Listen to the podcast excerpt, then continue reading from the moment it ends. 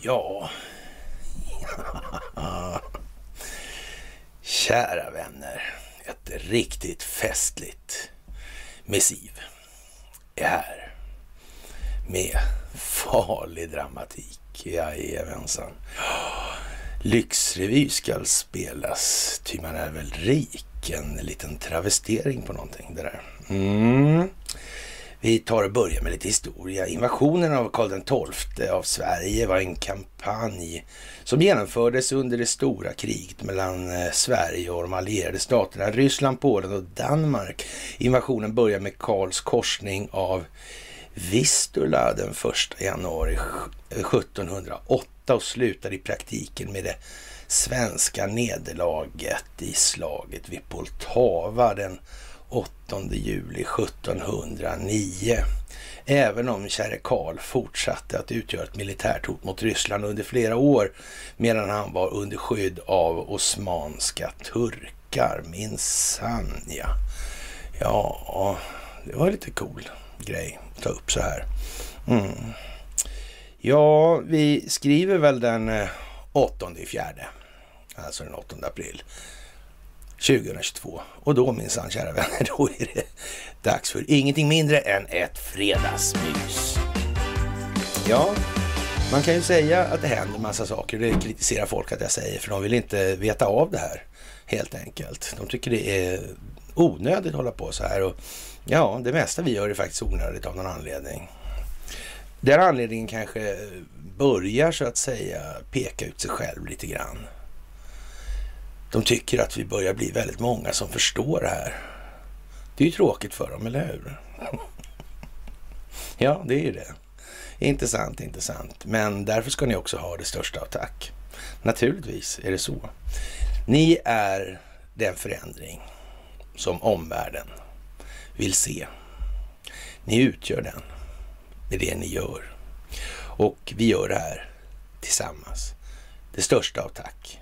Och tack för gåvor på Swish och Patreon. Tack för att ni fördjupar er på karlnorberg.se och tack för att ni hakar på Telegramtjänsten.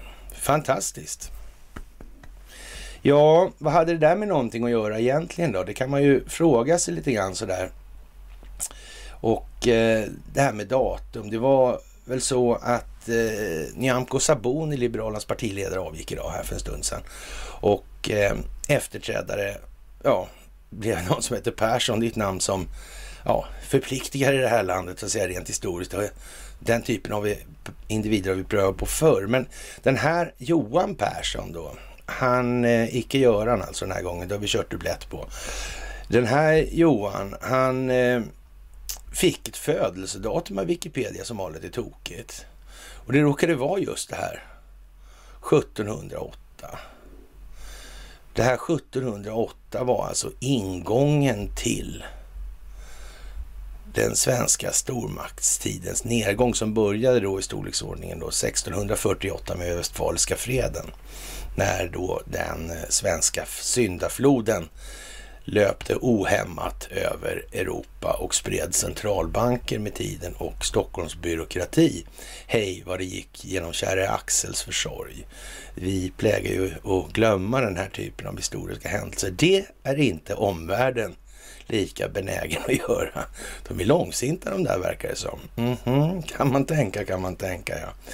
Ja, men för att så att säga föra smärta till den här skadan så verkar det ändå bli så att det här stacklet som finns påtaget på det svenska etablissemanget och inte minst då de här äh, kära gökarna i centralbankstemplet på Brunkebergs torg, alltså där Rida Brunke en gång blev av med skallen och där dessutom Göran Persson den första mötte döden genom gruvlig tortyr då. då. En fantastisk plats och det verkar som historiens vingslag går igen lite grann. Är det inte tjusigt? Så säg! Ja, man får nästan lite sådär, eh, ja, inte kalla kåra får man väl inte, men man, man måste ju ändå säga någonstans att det, det, är ju lite speciellt alltså. att de hela tiden hänger upp sig på det här. Det verkar vara som det sitter hårt åt.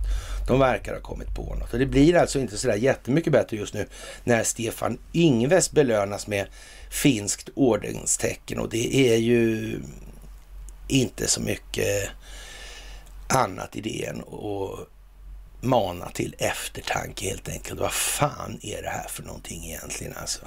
Och det är fredag, det är fantastiskt, det är dramatik alltså. Det här festmissivet, det är planerat sedan mycket länge. Människor måste förstå. Optiken måste bli klar. Företeelser måste bli självklara. Människor måste kunna dra sina egna slutsatser i sekvenser och dessutom parallellt. Specialisternas tid är till ända, eller tidevarv ska vi kanske till och med dra till med. Finlands sak är vår, som sagt, det vet vi ju. Men hur var det egentligen med Stella Polaris där? Hur var det egentligen i början på förra århundradet? Hur var det egentligen med alla de här grejerna med Mannerheim, med hon eh, tant Wallenberg där va, som hade ihop det med Wallmo, hon som kallades för Kalle va? Ja, med C också dessutom. Jaha, ja. Mm, och hur var det med Kollontaj och hur var det med Adolf Hitler i de här sammanhangen? Hur var det med Stella Polaris? Hur var det med Helmut Ternberg? Hur var det med G-maskiner? Korrumperad kryptologi och telekommunikationsutrustning. Hur var det här egentligen alltså? Kanske världen har fattat det där. Kan det vara så jävligt? Jag vet inte. Eller så gör jag det. Jaha. Ja, ja. Men eh, hur som helst så Finlands president Sauli Niinistö har förlänat riksbankschef Stefan Yngves med Finlands vita rosordens kommendörstecken av första klass, eller första graden brukar man väl säga, men första klass för all del. Vilket är den näst högsta av fem ordensklasser som erkänsla för verksamhet i fromma för Finland. Man undrar, var han inte svensk riksbankschef då? Ja, men det var så bra med det han gjorde för Sverige så, så Finland kom på att de skulle förläna honom den här. Jo, men så kan det ju hända naturligtvis. Den 7 april tog Stefan Ingves emot utmärkelsen av Finlands ambassadör Maimo Henriksson vid en ceremoni på ambassadörens residens i Stockholm. Motiveringen alltså för den här lilla utmärkelsen är alltså Utmärkelse, utmärkelsetecken tilldelas utlänningar som, med, som erkänsla för verksamhet till fromma för Finland. Förtjänsterna till fromma för Finland ska vara personliga och av betydelse för hela landet och att verksamheten i allmänhet ska ha varit långvarig. ja, eller hur? ja, ja. Finlands vita rosorden är en finländsk orden instiftad 1919. Var det inte krig mellan de där rosorna också förresten? Nu när jag tänker efter.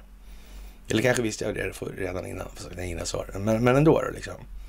Fanns det inte något sånt där chatter också? Hur var det egentligen med Mannerheim där och, och vad tog han vägen där och, och med tsarfamiljen? Han var ju militär där. Han var ju rysk militär från början. Hur var det där egentligen? Han fick ju inte bli finsk. Han kvalade ju inte in på den listan liksom. Mm, det var ju konstigt. Mm, så blev det så här jävla tokigt med allting.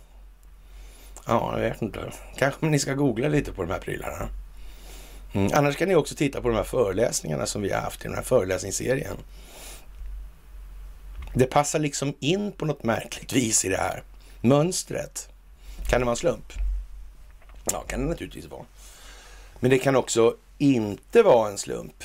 Det kan vara så att det är sånt som kallas för tur. Alltså när omständigheter kommer till förberedelse. Så kan det ju vara. Mm. Ja, som sagt, han ser glad ut, Åsa-Nisse nu och är stolt som en mycket liten tupp i och för sig då. Men för han är ju rätt kort vuxen och sån där. Och, och ja, vad kan man säga?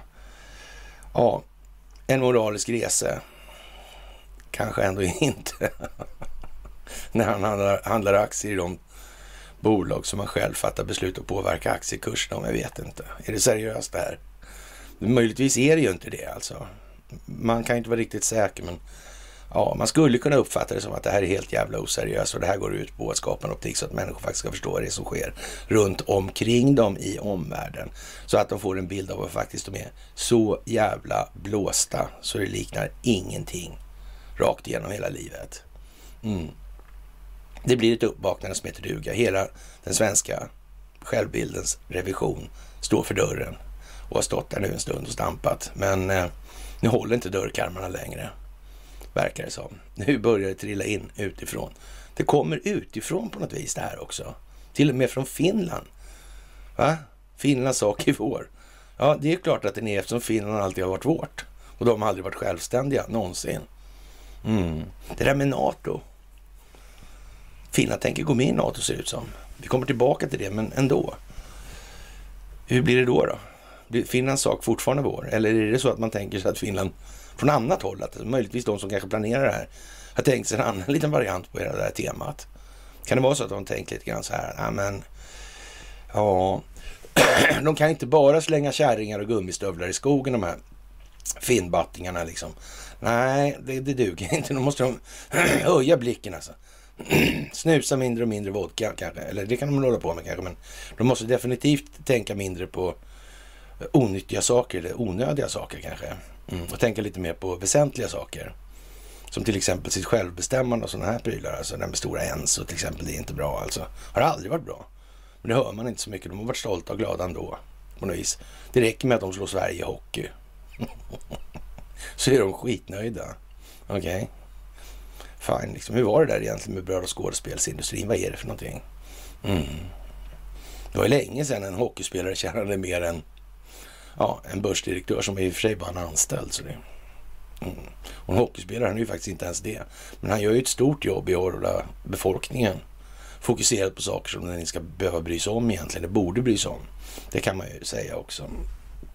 Ja, det där är lite trevligt måste jag säga att det här ja, accentueras så starkt som det gör nu. Och det är naturligtvis oerhört viktigt i det här skedet. Att vi faktiskt går från att vara kompletta idioter till att börja vara någonting annat i alla fall. Och, och, det är ju naturligtvis, många av de här har ju fått den lite, sådär, lite trista uppgiften att spela kvar på den andra sidan av staketet totalt sett. Och så att säga, ja, hålla i kulissen ordentligt. Och, och det kan man väl eh, tycka är lite tråkigt. En av dem är till exempel grindväktarnas grindväktare nummer ett, Andreas Cervenka som blir bländad av dyra matpriser och, och dyra klockor och sådana här saker. Ja, men det kommer vi tillbaka till också. Och med den mediala rollen här, en sån här jävla sneseglare som Wilderäng alltså. Lars Wilderäng, Corner, Cornucopia heter han egentligen. Som eh, mig veterligen fortfarande inte erkänt det här som den här riksbankschefen som just fick eh, det här Vita Rosens kors alltså. Har sagt i en evighet snart alltså. Har tvingats att säga att pengarna eller betalningsmedel skapas av bankerna när bankerna skapar lån. Mm. Det är mycket speciellt. Men Wildräng, han vill fortfarande inte kännas vid de här dumheterna.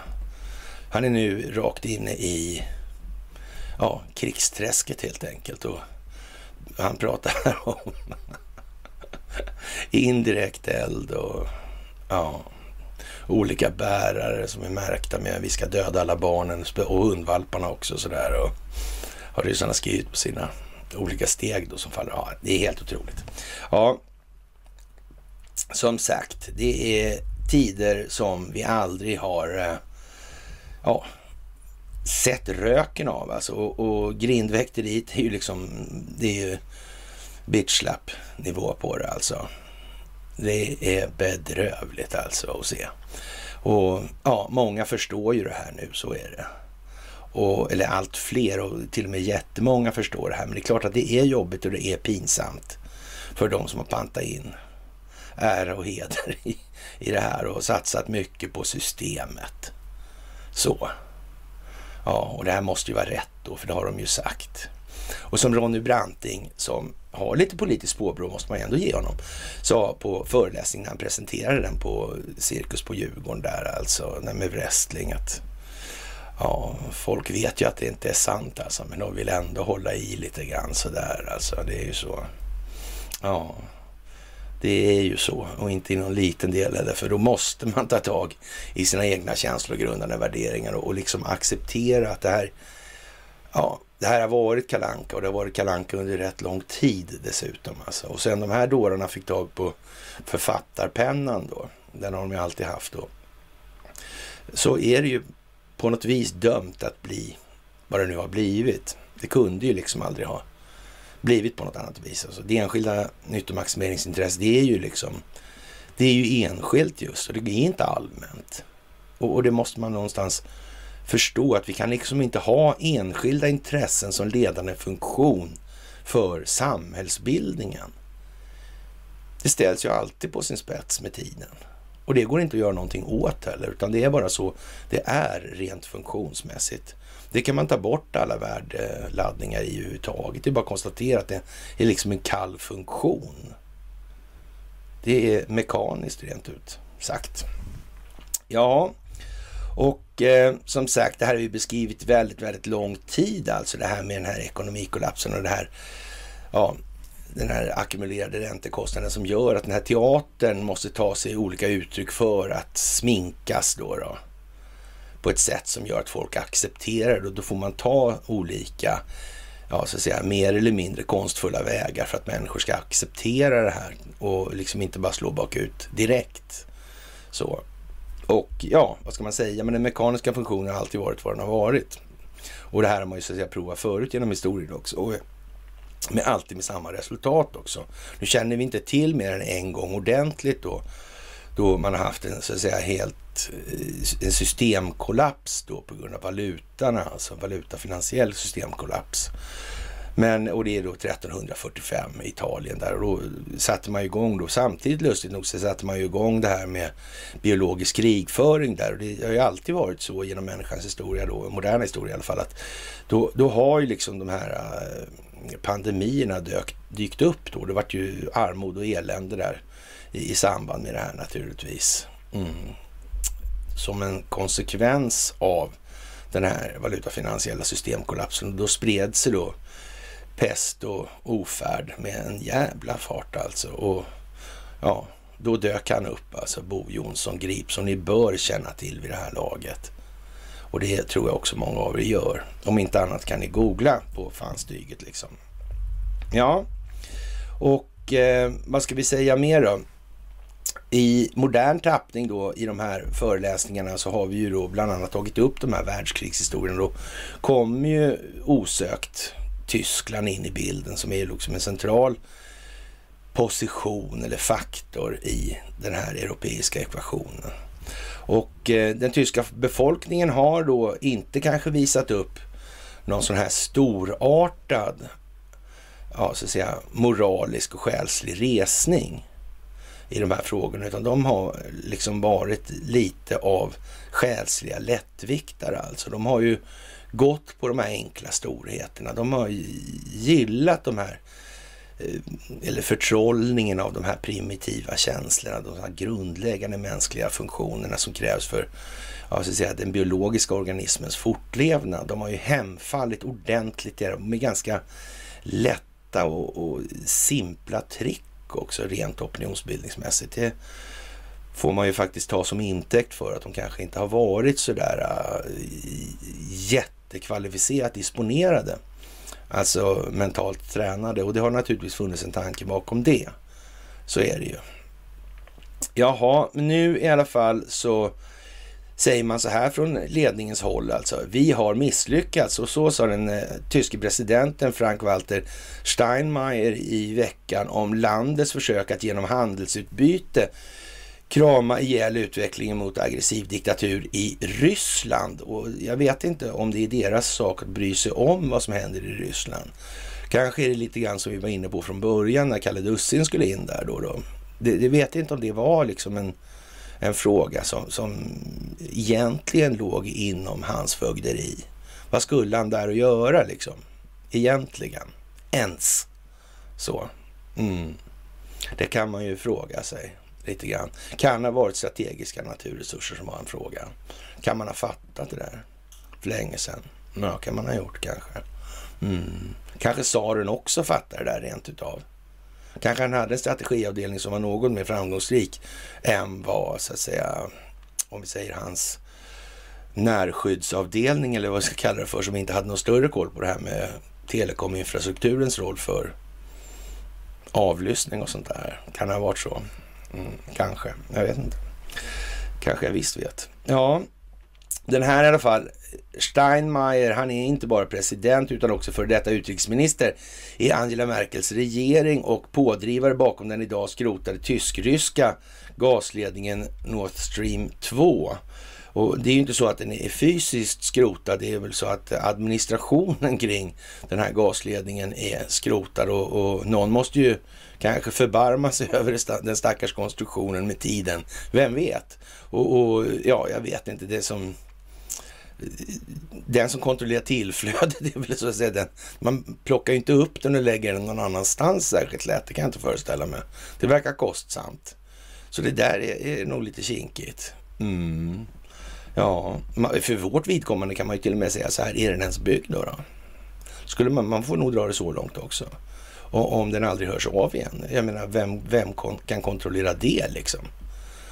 Det blir svårt, helt enkelt. Men vi vet ju inte så.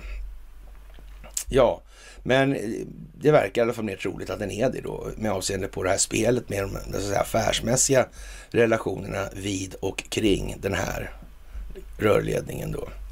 Jaha, och den silverhårige presidenten syftade på, eller framförallt på landets naivitet sedan Rysslands annektering av Krimhalvön 2014. Trots sanktioner och inte minst USAs invändningar förblev Tysklands grundinställning att fler förbindelser snarare än färre var rätt väg framåt. Och det ska man väl inte kritisera, för det är nog så det är alltså egentligen.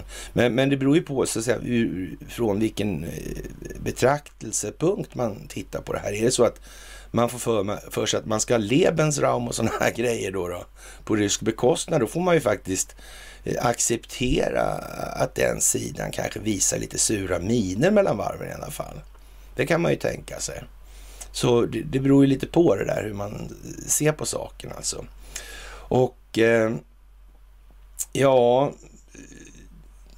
i själva verket har dock Tyskland i decennier gått i främsta ledet för hållningen att ekonomiska band med väst i sig knuffar auktoritära regimer i liberal riktning. Det är ju den här freds och demokratiutvecklingen. Den har varit oerhört framgångsrik för de här enskilda vinstmaximeringsintressena och lite mindre framgångsrik för rätt så många andra. Det kan man ju säga också. Ja konceptet hade ju fungerat ja, inom Västeuropa efter andra världskriget utvidgades österut efter det kalla kriget och fördjupades med eurosamarbetet och det här med euro och det här med vad, vad var egentligen det här spektaklet med, med EU för någonting överhuvudtaget ens? Ja, det var ett CIA-projekt alltså. Mm. Det började lukta kolonialism. Och det börjar lukta Bröderna Dall och därifrån är steget som vanligt inte särskilt långt till Arsenalsgatan 8C, men det känner ni ju till. Alltså devisen vandel durch handel, ungefär förändring genom handel då. Ja, har, eller vandel genom handel har sedan murens fall varit Berlins ledstjärna oavsett regeringarnas partifärg. Det verkar inte heller spela någon roll vad man röstar på, alltså i den meningen. Rötterna kan spåras till Västtysklands kursändring mot dialog med Östtyskland och Polen under 1970-talet. Nåja, nu ska vi inte eh, överdriva den här politiska betydelsen av vad den djupa staten har för kulissverksamhet i farten alltså.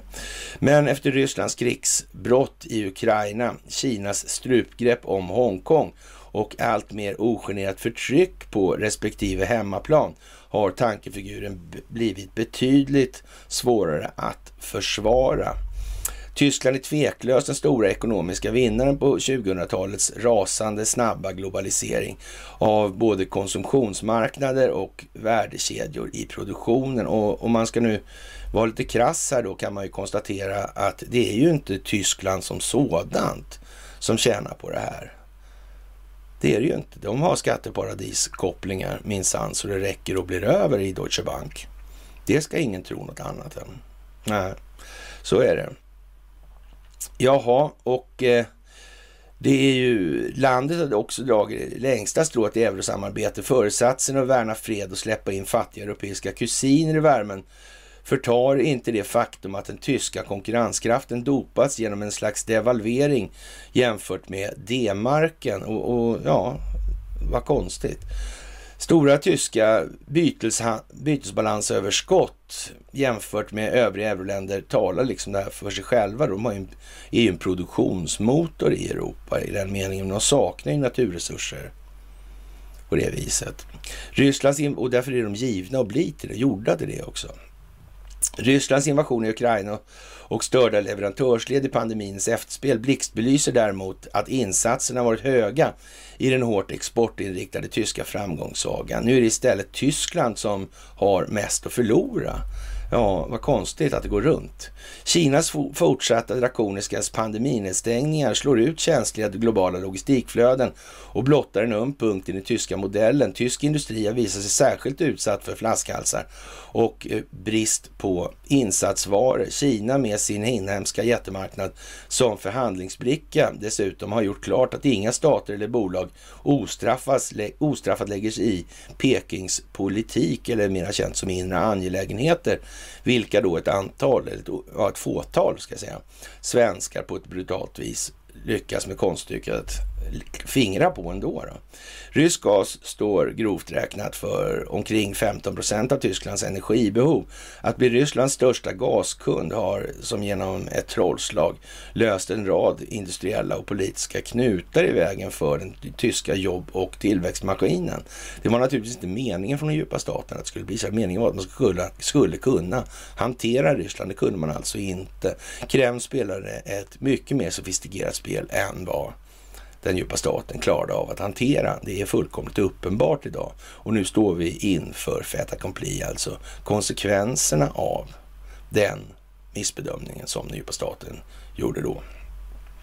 Jaha, och eh, ja, det är väl inte sådär... Eh, ja, nu växer opinionen i EU, inklusive Tyskland, för att stoppa all rysk energi alltså. Jaha, det blir ju säkert intressant. Det vore knappast någon garanti för att Ryssland lämnar Ukraina. Nej, det kan man ge sig fan på att det inte blir alltså. Inte minst alls faktiskt. Men eh, det är omvärldens i särklass mäktigaste vapen vid sidan av eh, direkt militär moteld. Man kan säga att inget dera kommer påverka situationen i nämnvärd riktning. Eller nämnvärd omfattning i vart fall. Det går inte. Vad, vad fan tror de när de skriver sånt här? Ska de mobilisera för ett invasionsföretag eller vad fan har de tänkt sig? Det finns ju inte på en karta. Det är ju helt idiotiskt. Rakt av. De har ingenting att göra. De är lika tandlösa som jag vet inte vad alltså. Jaha, EUs gas och oljebetalningar till Ryssland uppgår till över 360 miljarder kronor bara sedan krigsutbrottet för sex veckor sedan enligt EU-kommissionen. Det säger något om summorna det skulle strypas vid en total bojkott. Ja, Ryssland är ju självförsörjande till uteslutande delar, så det spelar ju inte så stor roll för dem, men däremot spelar det en jävla roll för Europa.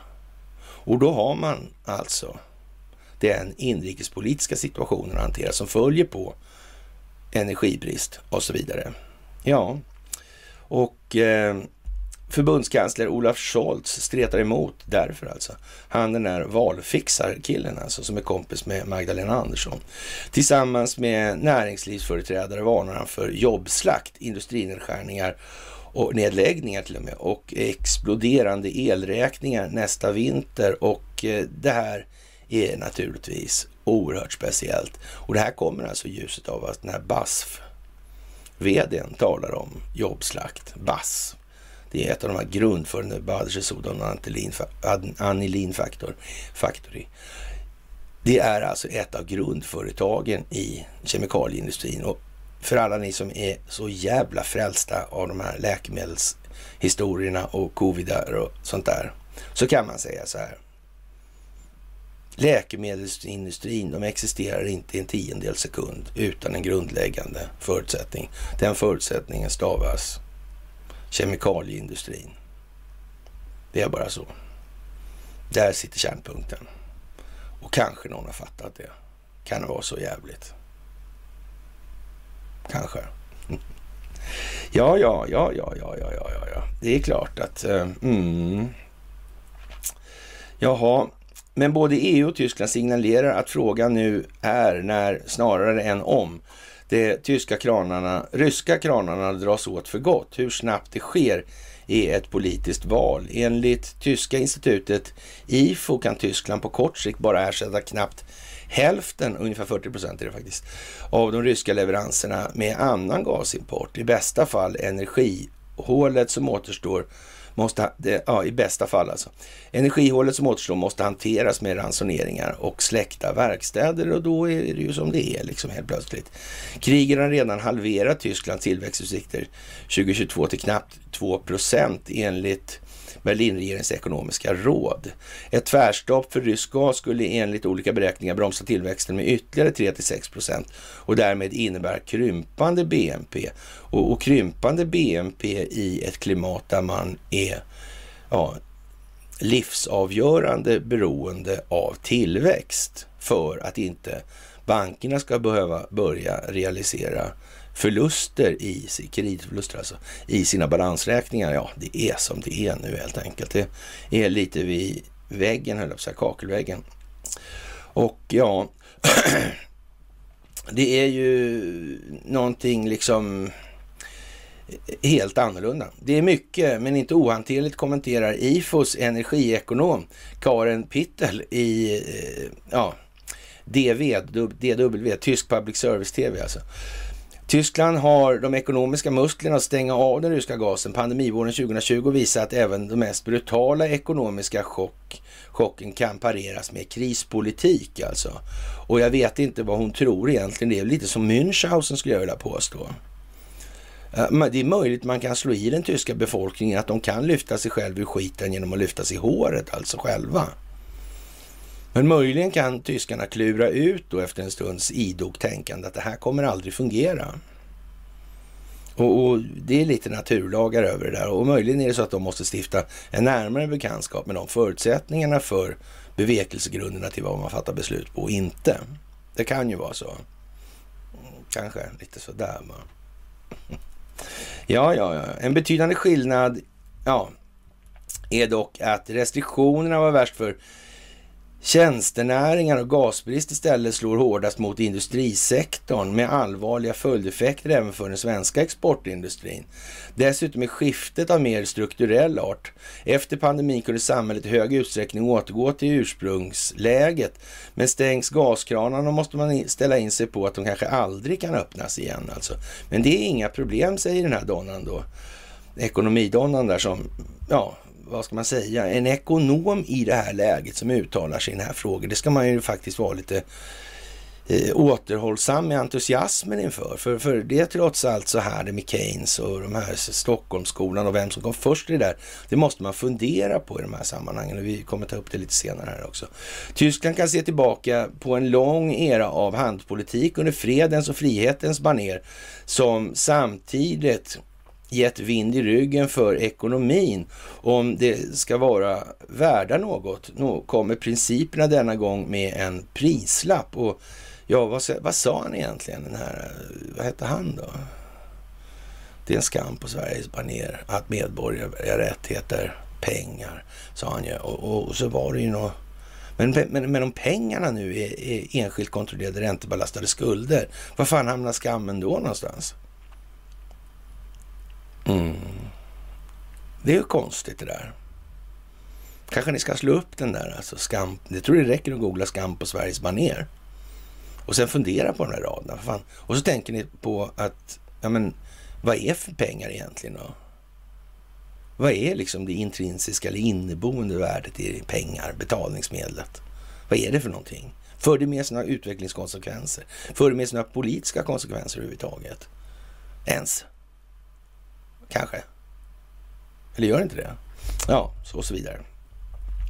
Ja, det blir ju naturligtvis bara bättre hela tiden. Och en förtroendeskadande olycka, inte skapande. Alltså en, ja, ni vet ju själva det här med att ett förtroende tar ju liksom en viss tid att bygga upp då medan den, så att säga eh, hastigheten på förstört förtroende kan gå relativt snabbt då. Alltså man, man, eh, ja, så att säga, beroende på vad det är för omständigheter så kan det ju försvinna momentant, alltså alltihop på en gång. Det behöver inte finnas någonting kvar sen. Nej, om vederbörande har gjort några riktigt dumma saker så att säga. Mm. Det kan ju vara så att man räknar med det och sparar det bästa till sist. Man vet inte. Men hur som helst börjar man gå ut på den här bogen lite grann. Och en sån här förtroendeskapande olycka kommer ju därför också sällan ensam. Så frågan blir ju då, vad händer med förtroendet för hela det globala centralbanksystemet under BIS då?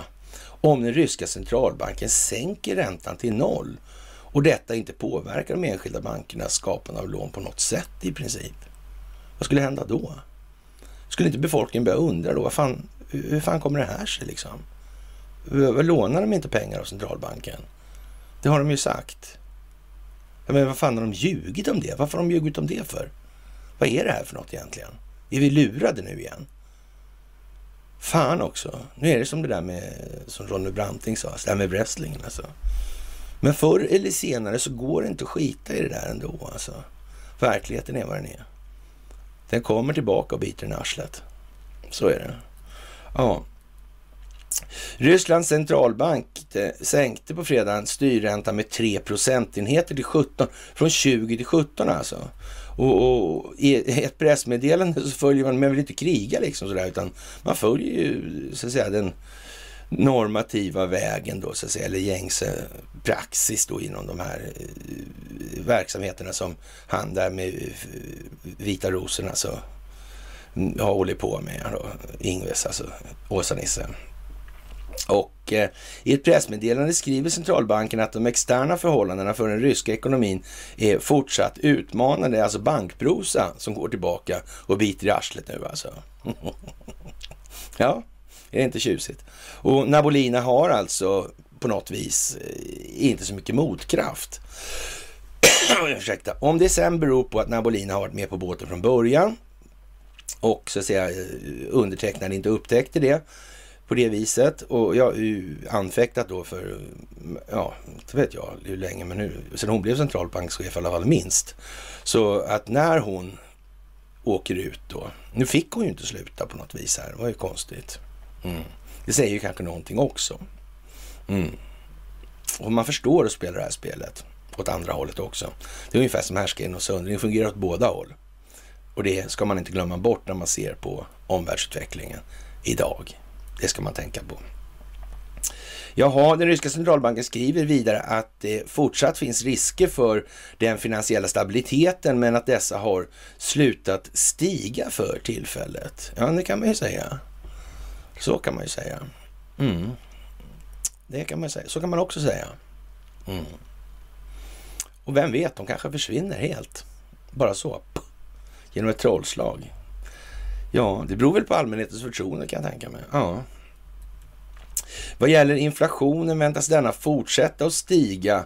Men, och det vet ju alla andra centralbanker också att det där är liksom en riktig jävla teater, alltså ingenting annat. Inflödet är inte större helt enkelt.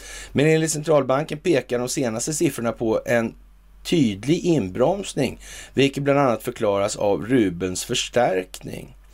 Och, och, en rubel är ju en rubel fortfarande i och för sig, men nu är den kopplad till guld då, så att säga, så då kan inte man manipulera den lika mycket mycket på FX-marknaden, alltså foreign exchange, alltså valutamarknaden alltså, som är jordens största marknad för övrigt. Så valutaspekulation är den största marknaden på jorden, det ska man komma ihåg nu. Och, och de som tycker att det är en väldigt produktiv marknad, de får räcka upp handen nu så lovar jag att ta det i nästa mys. Jag ser inga händer som räcktes upp så det blir ingenting.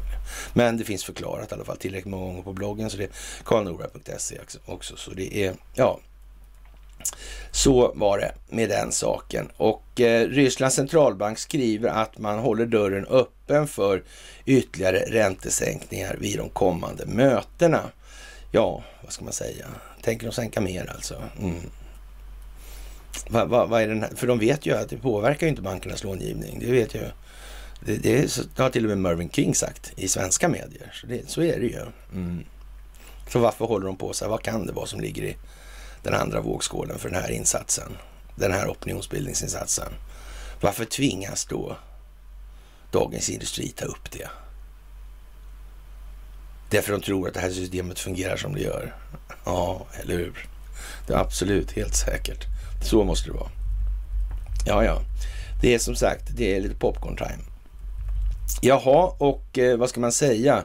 En av de sämre sakerna som lär ha hänt under natten och det var ju då ett, eh, en utfrågning i senatkongress av ja, försvarsminister Austin i USA där och han eh, får frågan och, och om man tycker det är lämpligt då att eh, amerikanska underrättelsetjänster, deras uppgifter som de har då eh, lämnat till Kina då genom presidentens försorg kan vi då anta. Ja, att de vidarebefordras till Ryssland. Är det lämpligt? Nej, det verkar inte så lämpligt. Och det här håller ju på att bli en riktig fars. Och möjligen är det så att det här ska be behöver bli så illa som det ser ut att utvecklas till alltså. Mm. För att den amerikanska folk, befolkningen ska förstå det här, för det är ju deras ensak det här. Och en sak är i alla fall helt säker, att det med avseende på den här generalen Milley och den här också egentligen militären då, Austin, deras agerande och deras sätt att svara på, så kan man säga att det finns ju inte på en karta att underlivsporslinet har någonting överhuvudtaget att säga till om i det här. Om de som inte har fattat ännu att han bara är en resident, de får ta och göra om läxan igen. Då får de börja om ett varv till här nu. Det är bara så. Det här är vad det är nu och det här är inte tillkommet av någon slump. Det är liksom ingen... Ja, det är planerat. Omständigheter kommer till förberedelser. Opinionsbildnings eller folkbildningsprojektet, det är vad det är i det här. Och det går liksom inte att värja sig för längre. Snart kan ingen förneka det helt enkelt. Jaha, och eh, vad ska vi säga? Det är fredag som sagt och vi sitter och myser lite här. Och eh, ja, det här nu, den svenska medier är tvungna att ta upp det här med Khashoggi då och rubriksätter det så här, analys, Turkiet ger upp kampen om rättvisa för Khashoggi. Ja, frågan är ju hur det är med det där egentligen alltså. Det är inte så att Recep Tayyip Erdogan inte är införstådd med alltså konsekvenserna av de här och grunderna till de här utvecklingsförloppen vi ser spela ut sig runt omkring oss i världen. Det kan, så värdelös är inte turkiska underrättelsetjänster. Nej, det är de inte. De är till och med rätt bra. De har ju faktiskt kunnat träna rätt länge på det här med Derin Devlet, alltså djupa staten. Och vet då liksom, precis som ryssarna vet om sitt kontraspionage, smärs där, att det första man önskar att man ska infiltrera då, det är naturligtvis underrättelsetjänsterna. Och i någon mån kan man ju säga att ja, det är väl bara i Sverige där, ja, hela underrättelsetjänsten är en infiltration av den svenska befolkningen. Så. Mm. Det är ju liksom rena propagandaverktyg för det militärindustriella komplexet och underrättelsetjänstkollektivet i det här. Och alltihopa kontrolleras från en och samma gatuadress i princip då. Mm. ja, det kanske finns en anledning då till att väst aldrig på allvar har försökt ställa då Mohammed bin Salman till ansvar för vad som uppges ha hänt den här Khashoggi. Khashoggi är alltså en vapenhandlarfamilj. Han finns grovt insyltad i det här med händelseförloppet i Benghazi. Benghazi är som har med Hillary Clinton att göra, som har med Hillary Clintons servrar att göra, som har med Seth Rich att göra. Och så vidare och så vidare i det här. Med Durhams utredning naturligtvis. Mm. Minns ni Jamal Khashoggi, alltså skriver då SVT, den saudiska journalisten som aldrig kom ut från konsulatet i Istanbul. Om inte så kan man konstatera att Saudiarabien gjort en enastående jobb i att sopa hela affären under mattan. Men som sagt, hur vet det västerländska underrättelsetjänstkollektivet att han är död överhuvudtaget? Att han inte bara är försvunnen, så att säga. Mm. Hur vet de det? Var har de bevisen för det någonstans? Mm. Svaret är de har inga bevis. Det har de inte. Varför har de inte aktivt agerat? De här underrättelsetjänsterna är ju trots allt utrikesdepartementens ögon och öron. mot verkligheten. Varför har de inte agerat då? Mm. Anar de? Arjan List? är de så dumma i huvudet så de inte gör det? Nej, det är de inte. Nej, det är de inte alltså. Jaha. En saudisk mördarpatrull flögs till Istanbul för att tyskta en obekväm kritiker på beställning av den saudiske kronprinsen Mohammed bin Salman enligt USAs underrättelsetjänstrapport. Det är lite mattknivsvarning för det här va? Över det där, är det inte det? Det är lite sådana här pass som ligger och skräpar i rasresterna efter ihoptrillade torn och sånt där. Lite grann. Är det inte det? Eller kanske till och med sådana här äh, ja, detonatorn till flygplan som small i luften då liksom ovanför Lockerby eller sådana där grejer. Alltså det är lite, det är lite terrorvarning på allt det här helt enkelt. Ja, ja, ja. Vem fan kan det vara som har kontrollerat med terrorismen? Hur, fan, hur uppstod den här terrorismen egentligen någonstans? Var, var fanns det någon första flygplanskapning överhuvudtaget? Jag har ingen aning. Visst. Ja, ja, men i alla fall. När nyheten om Khashoggis grymma öde spreds över världen i november 2018 Ja, då tog Turkiet genast på sig ledartröjan som den nation som ville gå till botten med mordet. och, och Recep Tayyip Erdogan hade fullkomligt glömt vilka det var som ja, försökte genomföra det här mordförsöket på honom som de faktiskt redan visste skulle komma också dessutom. Lite passande nog kanske. Ja, ja, ja, ja, ja så kan det vara. Mm. Jaha, och eh, det där är ju lite eh, speciellt alltså. Saudisk ledare pekades ju ut direkt här. Alltså, president Erdogan pekade ut Saudiarabiens högsta ledare som ansvariga alltså. Och, och inte kung Salman alltså, utan eh, MBS alltså. Han uppmanar flera gånger omvärlden att inte glömma bort mordet på Khashoggi, bland annat under G20-möte i Japan 2019. Det ledde till fientliga relationer med Saudiarabien. Turkiska varor bojkottades i kungadömet och kallades till och med för, det kallades till och med för ett kallt krig alltså. Ja, och eh, som sagt, vi har ju sagt det förut och eh, det funkar åt båda håll. Det sa jag för en stund sedan här. Och det kan ju vara så, jag berättade tidigare om det här med om man har bedrivit den här typen av verksamhet ordentligt, alltså med upplysning. Så då träffar man på det, det kommer in två nya, eller kanske inte samtidigt så, så men så rycker de där ihop liksom och den ena avviker sen och då har man mycket starkare förtroende för den här kvarvarande göken då.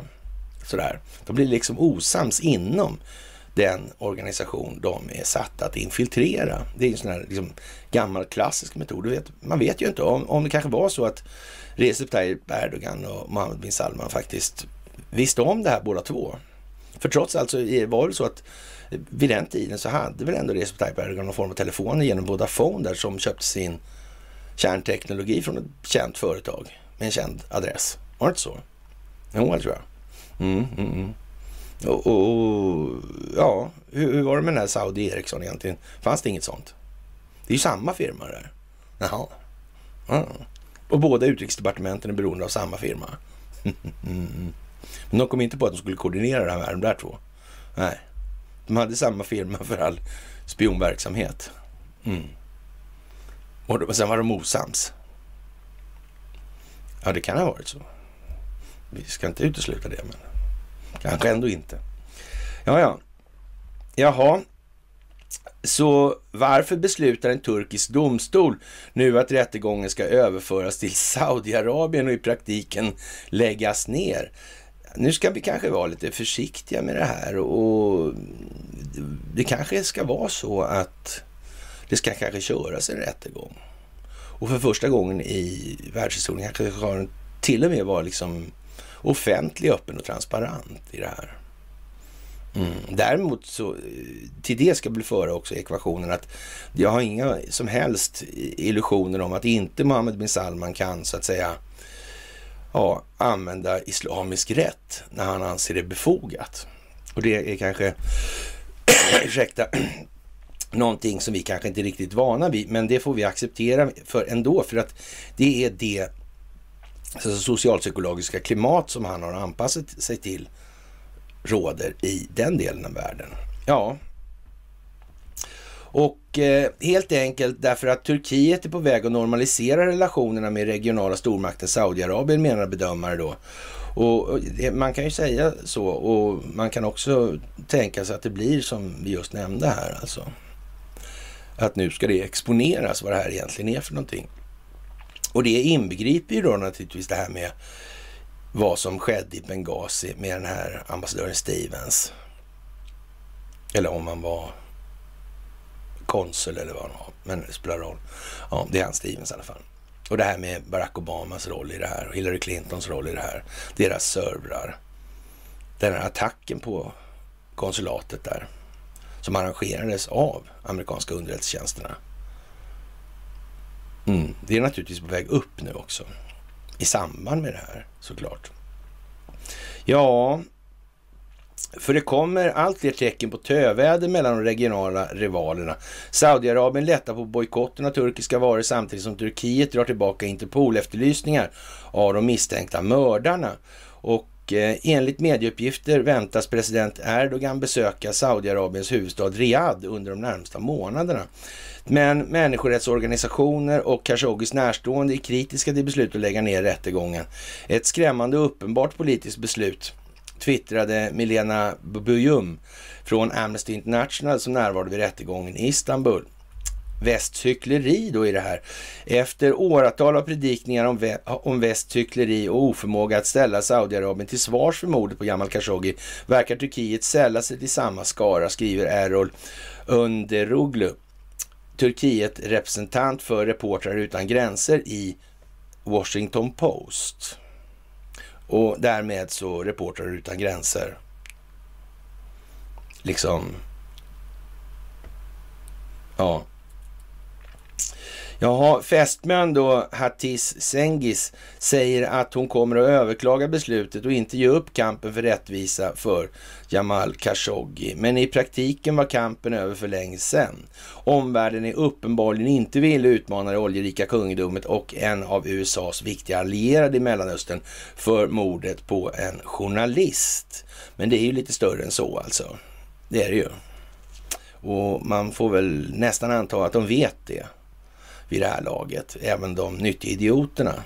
Och att de i själva verket är rätt tacksamma för att det här kanske tar slut. Eller så tar det inte slut, eller så blir det jävligt mycket värre. Man ska ju som sagt i de här lägena alltid vara mycket försiktig med vad man önskar sig. Och jag vågar påstå att är det så att de verkligen önskar sig konsekvenserna av en utredning grundad på verkligheten, ja, då kommer de att bli kraftigt besvikna över det de får. Helt säkert. Mm. Ja, som sagt, när skiten materialiseras momentant och rör sig med ljusets hastighet, eller verkligheten, ja, ljuset av verklighetens hastighet, in i fläkten då kan man ju säga så här. AB Volvo reserverar 4 miljarder på grund av kriget i Ukraina. Och eh, det här är ju lite speciellt måste man ju lugnt säga då, utan investeringsskyddsavtal är främsta garanti för de här 172 miljarderna i möjliga kreditförluster. Då kan man ju säga att det ser lite finansiellt skrynkligt ut för Volvo just nu. Så fyra har de i alla fall då reserverat för nu, men det finns ju några till som sagt var. Ja, de, och de här stackarna som blir drabbade i Ryssland av att inte få betala sina räntekostnader. De, de, de är ju naturligtvis oerhört synd om. Alltså, de är ja, de ligger sömnlösa om nätterna och vrider på sig. Alltså, tänk oss bara sån sak som att slippa betala räntan på huset, huslånen eller bostadslånen. Bara det liksom. Det skulle vara skittråkigt. Och det är klart att de är ledsna nu alltså. Men lugn, lugn, lugn, lugn. Volvo ställer, ställer upp här på något konstigt vis i alla fall. Vad står det här egentligen för någonting då? Det står inte då egentligen här att de som inte vill betala i Ryssland kommer inte att betala e, eller ska Volvo be den ryska kronofogden då göra utmätningar och se till att de här fordonen inte kan användas? Så det är fan han tänkt att lösa det där egentligen. Bilarna försvinner ju inte därifrån. Svenska kronofogden kommer aldrig kunna göra utmätningar i Ryssland på de här grejerna. Det finns liksom inte på en karta. Hur tänkte de här egentligen? Ja, lastbilskoncernen AB Volvo reserverar omkring 4 miljarder kronor på grund av Rysslands invasion av Ukraina vilket kommer att tynga rörelseresultatet under första kvartalet. På grund av sanktionerna mot Ryssland räknar bolaget med att ryska kunder kommer att få svårt att betala på sina leasingkontrakt. I ett pressmeddelande på fredagen skriver Volvo att bolaget efter Rysslands invasion av Ukraina har avbrutit all försäljning, produktion och service i Ryssland. Bolagets totala tillgångar relaterat till Ryssland uppgår till omkring 9 miljarder kronor, varav 6 Omkring 6 miljarder kronor är kassapåverkande och kan komma att materialiseras under då de kommande åren. Det första kvartalet 2022 reserverar bolaget tillgångar för uppgående till cirka 4 miljarder kronor, vilket påverkar rörelseresultatet negativt, främst inom bolagets finansieringsdivision enligt pressmeddelandet. Med största sannolikhet kommer inte reserveringen att påverka det justerade rörelseresultatet enligt DIs uppgifter. Aktiemarknadens fokus vid Volvos rapporter är det justerade rörelseresultatet, det vill säga det rapporterade rörelseresultatet exklusive jämförelsestörande poster som anges ge en bättre bild av den underliggande verksamheten. Och som sagt, aktiepriser är ju ingenting som speglar verkligheten i den meningen längre. De 6 miljarderna som är kassapåverkan är i stor utsträckning relaterade till kreditportföljen, det vill säga Volvos leasingkontrakt i Ryssland där kunden, kunderna lånar pengar för att finansiera lastbilar. De 3 miljarderna kronor som inte är kassapåverkan består bland annat av lager, reservdelar och fabriken i Kaluga. Och de anser alltså i bokföringen att de har inte förlorat det där riktigt ännu då. Och det kan man ju tycka är lite intressant aspekt på saken och möjligen kanske de inte gör det heller då. Det vet vi ju inte.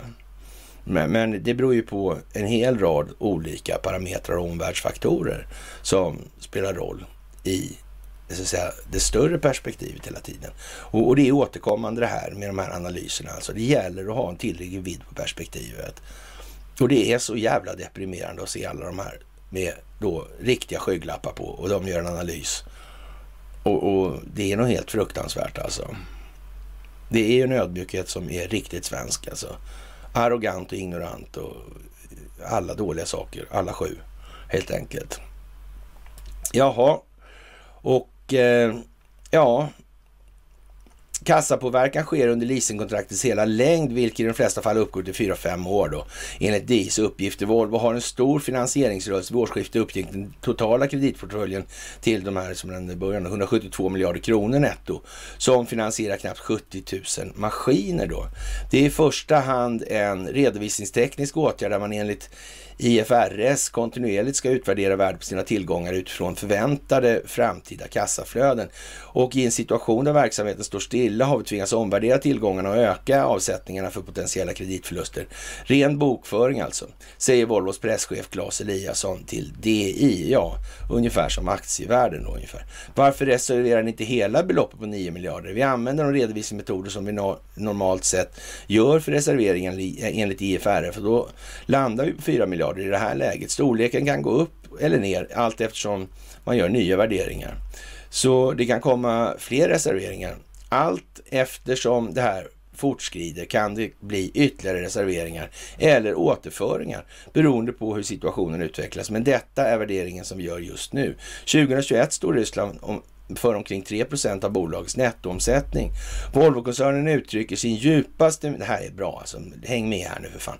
Volvo-koncernen uttrycker sin djupaste medkänsla med alla de människor som lider på grund av det förödande kriget i Ukraina och är engagerat i att ge stöd till de anställda, familjer och samhällen som påverkas, skriver bolaget. Ja, de som betalar leasingavgifter som inte behöver betala någon leasing, de är säkert jävligt ledsna för det. Det tror jag. Det är naturligtvis givet. Ja.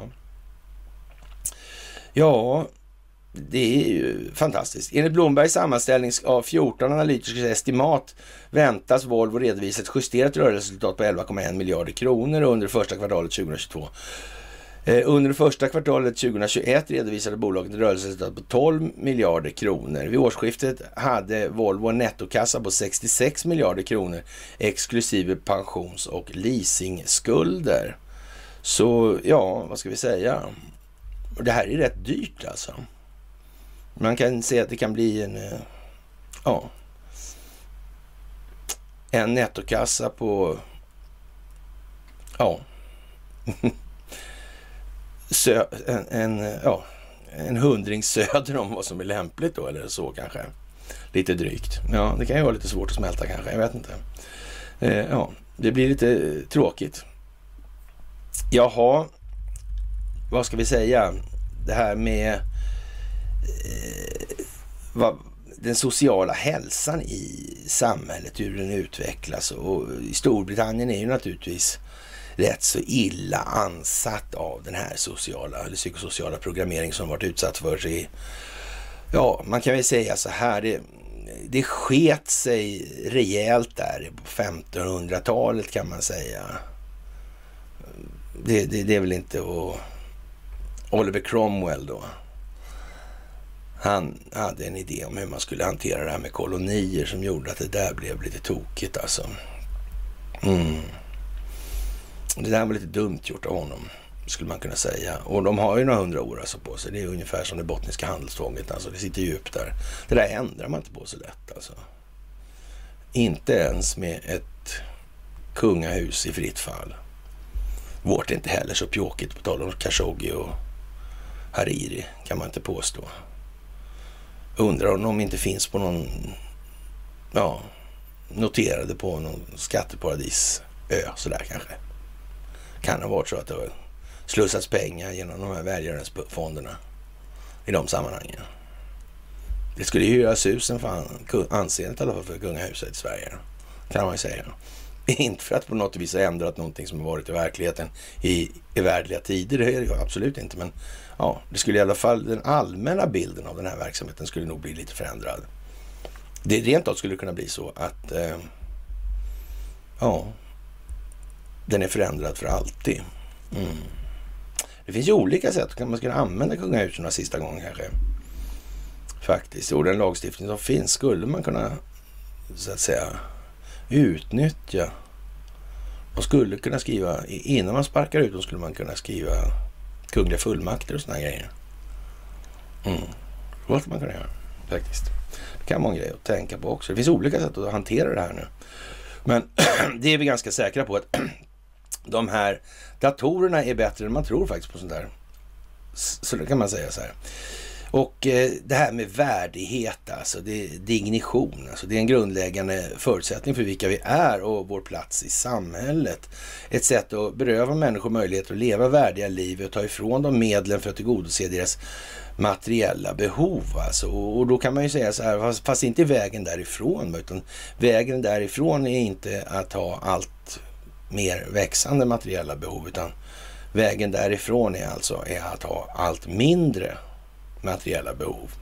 Så. Men, men eh, i det omvända kan man säga så här att vad blir konsekvenserna av det här då när barn ser sina föräldrar växa upp under de här premisserna? De växer upp under de här premisserna och de ser att föräldrarna är helt låsta i det här. Barnen reagerar på enklaste sätt naturligtvis. Och, och så där ska jag aldrig hamna.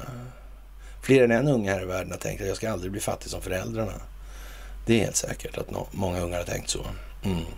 Men, men vad blir det för konsekvenser av det då, tror Ja. ja, det blir ju att de här människorna, barnen, de växer ju upp till individer som i en allt större utsträckning är benägna att ta till vilka medel som helst för att inte hamna där. Det blir ju bara värre helt enkelt. Och redan där så måste man förstå att samhället är på ett sluttande plan, eller det är döende i den meningen. Det här kan bara vändas inifrån individen själv. När individen förstår att det här är inte något bra sätt alltså. Det är ingen bra lösning med fria kriget. För efter ett tag så är det ju faktiskt så att många tycker faktiskt att jag chansar hellre på fria kriget för att jag blir sist kvar alltså. Jag kör hellre det. Än det här jävla skiten. Det här är ju löjeväckande. Vi ser ju vad det ska Vad ska vi bara gå och vänta på att vi ska dö då eller? Det är ju inte något liv värt något. Det är ju som hellre lev stående än ett liv på knä liksom. Och det blir ju så då. För det här är ingenting som kan leda till något bra, det vi befinner oss i nu. Det är dömt ur alla perspektiv att ta en ände med förskräckelse. Men det går ruskigt trögt för ruskigt många att förstå ruskigt lite till och med. Sådär. Ja, och, och det här med matbanker och allt sånt här. Alltså det, det, det är ju, vad är värdigt och ovärdigt? Det är naturligtvis en, alltså en relativ betraktelse. Det är ju ingen som ligger liksom eh, och håller på att svälta ihjäl i något, sådär, så, som tycker det är ovärdigt att få ett varmt mål mat. Liksom. Sen att det inte är på en lyxkrog. Liksom. Det, det är liksom... Nej. Så det är också en relativ betraktelse i det där. Så det har att göra lite med hur samhället säger eller uttrycker sig uppleva sig själv då. Den kultur vi har är ett hinder i det här. Och där kan man säga så här. Nu är vi på det yttersta steget för att det här ska kollapsa. Och där kommer de korkade grindvakterna in i bilden faktiskt idag. Lite senare. Ja, sådär. Det är ju lite udda kanske. Men. Och eh, vi har i USA det här gamla vanliga amerikanska eh, republikaner. De kräver då att Joe Biden ska då liksom hans de här rekommendationsbreven för eh, då eh, en oligark, en kinesisk oligarks son ska offentliggöras. Och det är naturligtvis beror på att man har en massa andra uppgifter ur den här Hunter Biden-datorn. Det är ju bara så. Och, och, det, kommer, det här kommer att bli liksom jättemycket och det kommer att bli väldigt smaskigt. Och, och de har liksom, medierna nu har ingen chans att bemöta allt det här. Det är mättat och nu körs det på ordentligt. Det kommer bara att bli värre. Den här, nu kommer det inte att sluta. Och den här fredagen är ju redan nu rätt så dramatisk kan man säga. Milt uttryckt. Jaha, och eh, det är ju erkänt en massa saker redan så, så, så, så, i någon egentlig bemärkelse så finns det inte mycket kvar att säga utan det handlar ju bara om att, så att säga, klargöra det här. Så att människor förstår, alltså göra optiken tillräcklig för att människor ska kunna börja sätta ord på det här själva. Och det är ju viktigt nu i det här. Och eh, ja, USA och NATO de söker då en enad front för Asien, Stilla havet där, de allierade, för att isolera Ryssland och trycka på Kina över Ukraina-frågan då.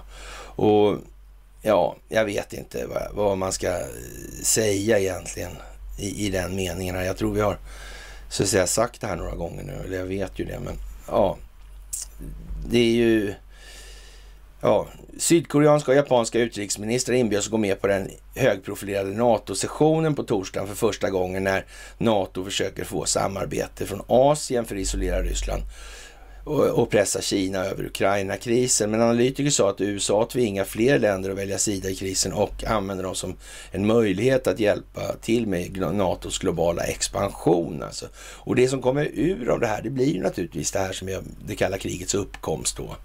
Det går ju, kommer ju, det går ju bak dit alltså. Och då måste man dra de historiska parallellerna för att förstå det här för människor. Och för er är det lite enklare. Ni kan ju titta på de här föreläsningarna lite grann. Va? Ja, det militärindustriella komplex underrättelsetjänstkollektivets underrättelsekollektivets framväxt och det här och, och, och så vidare.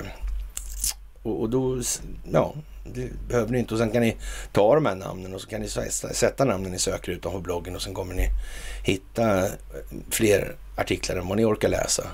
Sådär. Och ja, sen är vi ju där. Det är ju inte mycket mer än så. Det är ju rätt så givet. Och att man tar, att man i det här läget då i sådana här publikationer som Global Times och sådär, den kinesiska, där i stort sett följer det manus vi har, i, eller som vi har haft i det där, hur vi har lagt upp det här, det är ju mer än tacksamt naturligtvis. För, för det kan ju, sen kan de ju säga vad de vill i svenska medier om det vi håller på med. Det är tydligen så i alla fall att det finns några som faktiskt anser precis samma sak. Sen att vi var långt före, det är en annan sak liksom. Men det har vi blivit avstängda för på Facebook också. Det är synd om oss där. Ja, nej. Men ändå då. Jaha, och eh, på tisdag meddelade USA Storbritannien och Australien att de skulle samarbeta för att utveckla hypersoniska vapen inom ramen för den nya AUKUS-alliansen. Ett drag som analytiker sa är att bygga en NATO-replika i Asiens Stilla havsområde för att tjäna USAs hegemoni. Men USA är ju vad det är i det här läget och möjligen är det väl så att underlivsporslinet inte är president alls överhuvudtaget och inte styr militären, då är det här ren teater med andra ord. Alltså skulle det visa sig att underlivsporslinet faktiskt har medverkat i det här valfusket och så vidare och dragit nytta av det, då blir det ju en helt annan. Om man dessutom man är mutad då av till exempel Kina och Ryssland, då, då är det rätt så misslyckad tillställning skulle man kunna säga i det här. Mm. Då blir allting helt annorlunda. Och möjligtvis är lösningen på de internationella konflikterna faktiskt ta bort de här övergripande organisationerna och tvinga fram att länder ägnar sig åt bilateralt umgänge istället. Det vill säga varje land måste ha en relation med varje annat land den önskar ha en relation till. Det ska inte vara någon övergripande slussverksamhet. För lustigt nog så har det en tendens att bli så att den där verksamheten kommer att korrumperas och i det här fallet rådande nu så är det ju så att det är skapat redan med den funktion, inneboende funktionen. Det är ju så att säga samma designers bakom det här.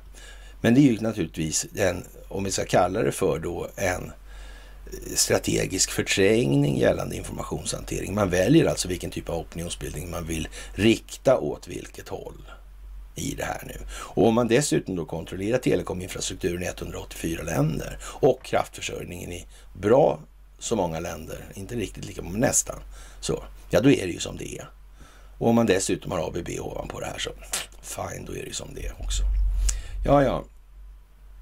Jaha, det är man varnar från Kinas håll i alla fall att medan USA samordnar allierade för att hålla tillbaka Kina och Ryssland och sprida konfrontationer globalt så borde Kina arbeta hårdare för att ena fler länder för att motsätta sig det kalla krigets mentalitet och fördjupa samarbete med länder med gemensamma intressen inklusive Sydkorea och Japan. Och Japan är ju som sagt, vi har sagt det många gånger, det är vad det är i de här sammanhangen med sina Hirohitosar och Takahashisar och så och Serafimerordnar. Ja, som en produkt av det kalla kriget representerar NATO konfrontationer och riktar sig mot vissa länder. Den globala expansionen leder till polarisering och sammandrabbningar. Dess expansion i Asiens Stilla havsområde kommer säkerligen att rikta sig mot Kina, undergräva den regionala säkerhetsmiljön och skapa turbulens, sa Peking då och uppmanar regionala länder att ha en klar förståelse för de katastrof katastrofala resultaten. Och jag vet inte om det, man ska anse att det här är otydligt eller om man kan faktiskt uppfatta det som helt glasklart. Det, det är ju sarkastiskt uttryckt av mig. Det hoppas jag att ni förstår. Alltså, det vet jag att ni gör, så det är ingen fara med det. Så, men ändå, alltså, det börjar bli lite väl uppenbart kan man tycka. Jaha, och eh, som sagt, Tucker Carlson är i farten i USA på Fox där och ja, konflikten i Ukraina är mycket mer komplicerad än vad den ser ut. Ja, det kan man ju säga. Den har ju långt fler bottnar i alla fall. Konflikten i Ukraina är mer komplicerad än vad den ser ut att vara i medierna. Det säger alltså Tucker Carlson för Fox News där. Genom att använda desinformation för att manipulera den amerikanska opinionen hjälpte Biden-administrationen den ukrainska regeringen. Och det säger NBC är ädelt alltså. Om nyhetsorganisationen ivrigt främjar lögner om ett pågående krig, ja vad kan vi andra tro på egentligen i det här? Det är okej okay nu. Nu säger man ju öppet i, i amerikanska medier i övrigt då att det, det är, man behöver inte hålla sig till sanningen eller ens alltså ett försök till att beskriva verkligheten. Det handlar bara om att ljuga till sig opinionen. Det är helt okej okay, alltså. Jaha. Ja, det är en intressant aspekt och man kan ju se att då försöker man kanske skaffa sig någon form av legitimitet eller möjligtvis eh, ja, för det man gör då. Men det där går inte hem alltså. Inte ens hos svenskar. Candice Owens, hon är beskylld av New York Times då för att vara putinist och verka för Rysslands intressen och sprida desinformation om att Ukraina är ett korrumperat land. Candice har svarat på kritiken att hon har fått uppfattningen om att Ukraina är korrupt av inga mindre än just självaste New York Times och så vidare. Och hon radar upp ett antal då artiklar och så som hon har läst där New York Times tidigare har framfört eller framställt då att Ukraina är korrumperat ordentligt. Mm. Så det är liksom, det har ju gått varvet runt nu. Att om man anför det argument som då New York Times och, och, Washington Post och CNN och de här har anfört, då, då är man putinist alltså. Fast det är de själva som har lagt upp argumenten. Så långt har det gått nu. Och det är bara frågan om hur många varv vi ska behöva ta innan folk känner igen att det här har jag gjort förut. Men, men det ska väl inte ta så lång tid eftersom nu är det ju faktiskt rätt många som kan utgöra ett benäget bistånd för att tala om du, det här var det vi sa för tre veckor sedan alltså. Nu är vi här igen alltså. Ska du försöka minnas vad som hände igår överhuvudtaget alltså? Det kan ju vara bra alltså. Det, man har en tendens att upprepa beteenden alltså, annars. Och om man förväntar sig olika utfall eller effekter av det här till givna förutsättningar, alltså upprepa beteenden, då är det definitionen på någonting. Någonting mindre smickrande. Men om du vill ska jag kalla det för dumhuvud eller? Och, men, och för att du är ett dumhuvud så ska det eh, legitimera ett jävla skitbeteende då eller? Det är ju så. Det är möjligtvis en förklaring, det är aldrig en ursäkt. Så det går inte. Och verkligheten kommer att ta sin tribut. Det är bara så. Ja, ja som sagt, det är vad det är. Och eh, Sverige förbjuder journalister att granska andra medier alltså. Och i onsdags då en grundlag, ett grundlagsförslag från regeringen som innebär att medier och journalister som röjer hemliga uppgifter om svensk sam, svenska samarbetsländer kan straffas för utlandsspioneri alltså. Och det här är ett mycket kritiserat förslag, tack och lov. Alltså, så finns det några som faktiskt förstår att det här är jättekonstigt. Och jag vet inte, vad, vad ska man säga? Det är udda alltså. Ja, vi kommer tillbaka till det lite grann. Så här. Men som sagt, det är ju illa det här med så att säga, materialismen och, och så vidare i det här. Och hur man kan skriva en så här jävla lång artikel om snedfördelning av tillgångar utan att beröra den monetärmekaniska grund som utgör orsaken till att allt färre blir allt rikare på allt fler människors bekostnad, alltså det vill säga systemet med pengar. Och, och att de som då ja, Andreas Cervenka skrivit en hyllmeter utan, hyllmeter utan att nämna ordet skuldmättnad. Och, och, jag antar att ni har sett den här videon när jag frågar honom hur det här kommer så blir de någon griniga på redaktionen och så vidare. Och jag har ju haft korrespondens med honom i decennium. Alltså, så där, så att, och, och ni kommer ju säkert, om ni tittar på de här riktigt gamla om pengar så kommer ni ju se att en del av de här grejerna, det finns ju i hans böcker alltså av någon anledning. Fast de är på syd, eller så att säga senare datering då i hans böcker. Konstigt nog. Va? Ja, och då har man skrivit en artikel då i Dagens Nyheter om de här miljardärerna då. I Sverige är ju faktiskt häpnadsväckande miljardärtätt då. Och eh, hur miljardärer lever då på något vis. Och, och man tittar då liksom och, och försöker då leva miljardärsliv under en dag. Och något mer jävla patetiskt skit, något mer själsligt dött än det, det tror jag nog aldrig har stått i Svenska Dagbladet. Jag har lagt upp hela artikeln och, och ja, vad, vad, ska jag säga alltså? Eh, ja, man måste ju ta det i delar alltså, men det här är snudd på deprimerande. Alltså, det är ju någonstans en signal på då hur man bedömer då från den djupa statens sida då, som medverkar då till den här folkbildningen, antingen de vill eller inte då. Ja, så, så att säga, hur är, är medvet tillståndet alltså då, på det medvetna medvetandet? Hur är det beskaffat alltså? Och, och det måste man ju, nu måste man visa sig vara värd sitt salt. Alltså man måste faktiskt förklara att nej, men det här är för jävla korkat alltså.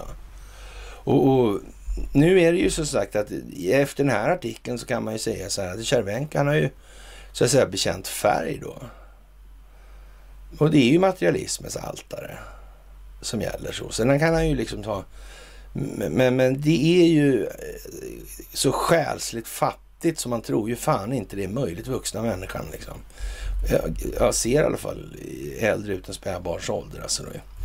Och ja, det, det, det, är någonstans en, eh, vad ska man säga, det är alltifrån vad man bör heta då om man ska vara eh, ja, miljardär och, och, så vidare. Så här, det är något helt jävla otroligt alltså.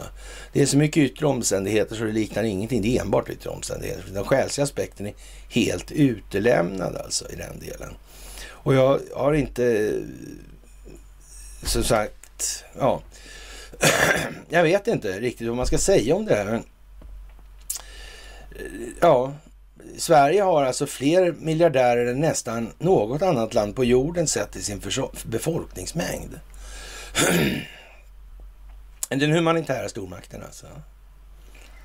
Mm. Och, och, Det är ju klart att det kommer ju folk att fatta, men så drar de ju till med sådana här saker att det finns ingen svensk avundsjuka. Alltså hur i helvete kan man komma till att det inte förekommer avundsjuka bakom den filosofiska materialismens altare? Eh, då är man ju helt dum i huvudet alltså. Jag, jag, alltså vadå, filosofisk materialist, du bygger på egen nytta. Punkt slut alltså. Det har att göra med individens självbetraktelse. Hur ser individen på sitt själv, alltså självet? Vilken känsla uppstår då? Det är individens självkänsla. Det här självet.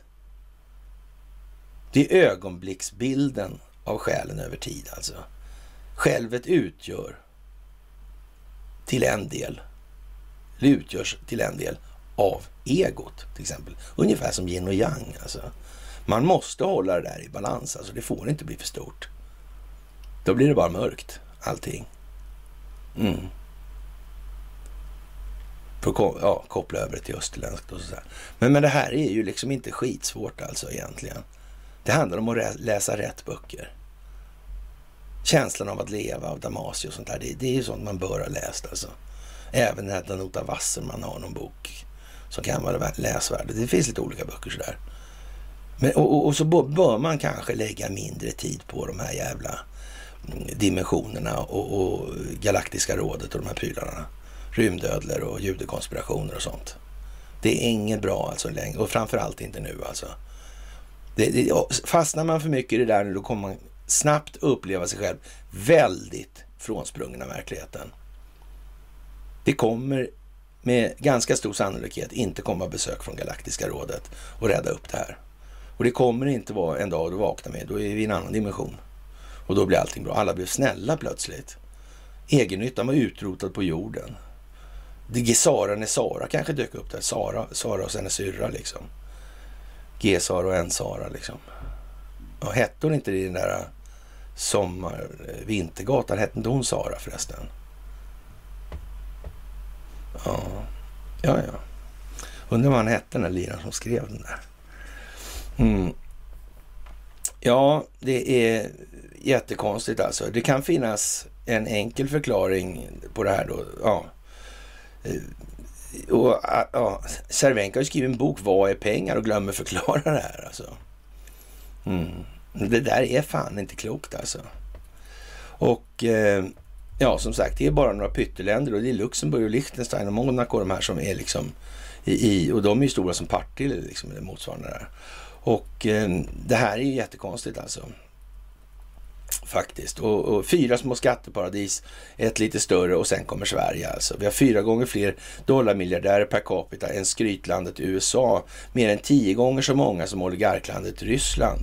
Det finns förstås en, en, förklaring till den här utvecklingen, men den är lång och ganska komplicerad. Och den kan ni väl se då ungefär i den här föreläsningsserien vi har gjort. Och den har inte Andreas Cervenka en jävla susning om, eller det har han såklart, för han har naturligtvis sett det här då. då. Ja, och jag har ju haft lång korrespondens med den här löken då. Och samma sak med den här Jenny Nordberg då. Vars brorsa har samma förnamn som jag har. Och, och ja, så sagt, men, men det går ju alltid på patrull då när man börjar då dra i de här känsliga delarna. Och, och ja, nu kommer det fram där och nu är så att säga grindvakten med så att säga i det här och, och får liksom klä skott för den så att säga materialistiska enfalden i det här. Och, och så att säga, det är ju svenskhet i sin prydo naturligtvis. Man hade ju aldrig kunnat gräva så här djupt och släppa loss den här jävla ballrogen annars. Ett litet folk alltså. Det hade inte gått. Moraliskt kortväxt. Mm. Kan man ju säga. Och det kunde man väl se på Toren Ekensköld också med. Och en monumentalt bra scen, det är alltså Drakensmaug som har lust att ge honom diamanten, kungadiamanten, för att se hur den förtär honom inifrån. Mm. Där har man den, hela kvintessensen. Så är det, destillatet. Ja, vad ska man säga? Ja, man, man ska helst heta Karl i alla fall är, om man ska bli miljonär. Och det kan jag säga så här, det är ingen som helst garanti i alla fall. Ja, sådär. Och allra minst om man sätter sig i sinnet att motverka den djupa staten, då kan man säga att det blir lite annorlunda. Mm. Och har det inte blivit annorlunda, då ska man vara lite självkritisk och faktiskt konstatera att jag inte kämpat så hårt kanske i det här. Ja, ja, ja. Och jag vet inte hur mycket rikare blir en miljardär på en dag och så vidare. Och man, de går på någon jävla yoga och, och så vidare och, och, håller på där och käkar lunch för tusentals spänn och, och så vidare och så vidare. Och ja, det, det är nog helt bedrövligt alltså.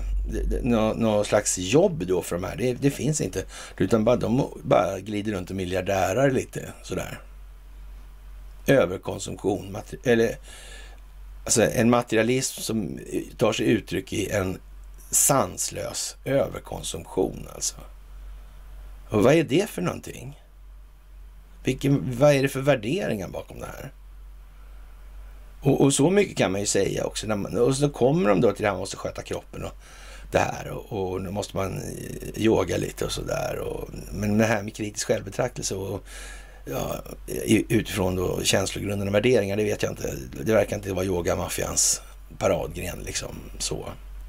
Och, och, sen kan vi ju säga så här, när det kommer till den delen så är det ju det här, och sen kommer det en massa träning och grejer och så. Då kan man väl säga så att neuromuskulär intelligens, det är ju liksom förbehållet de människorna som har upplevelsen av det i bagaget. Det går liksom inte för någon annan. Och vi kan ju säga så här, varför inte läkarkåren kommer åt det här med eh, så att säga, problem med rotatorkuffen och sådana här grejer. Det beror ju på att de har ingen aning om vad det här känns som. Och ta sig därifrån, det är inte särskilt lätt för den som inte har tillräckligt mycket kontroll över sina muskler. Det ska man också veta i det här. Så det, är ju liksom, det blir en ganska begränsad mängd människor kvar i det här.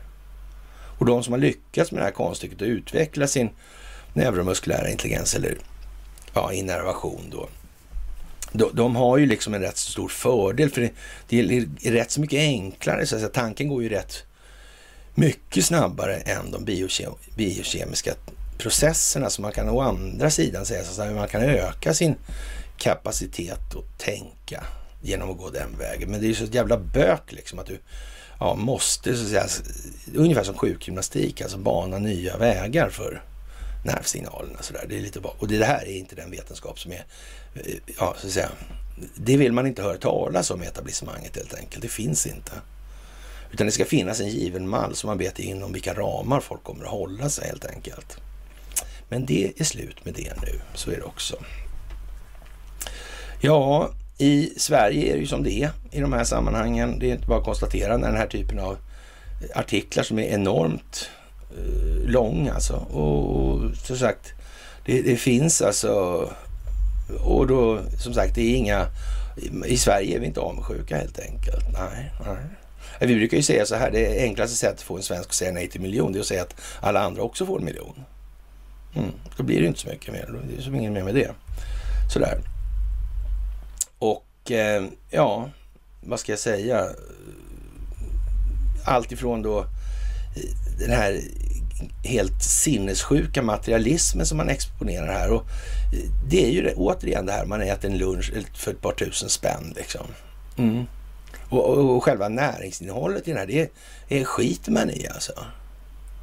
Jag menar, det ska man väl ha klart för sig. Ska man leva då så man så att säga minskar slitaget på organismen, då ska man ju stoppa i sig exakt behovet och inte något mer eller? Det, det sliter ju bara. Och det fattar ju vem som helst. Men det är inte så att de där har suttit och gjort biopsier på varenda jävla muskel och, och vilken muskel har varit mest belastad under sista dygnet och så vidare och så vidare i all oändlighet liksom. Det kan ju bara glömma. Nej, men de sitter ju liksom och äter friterade räkstjärtar och jag vet inte vad liksom. Det är helmuppigt liksom.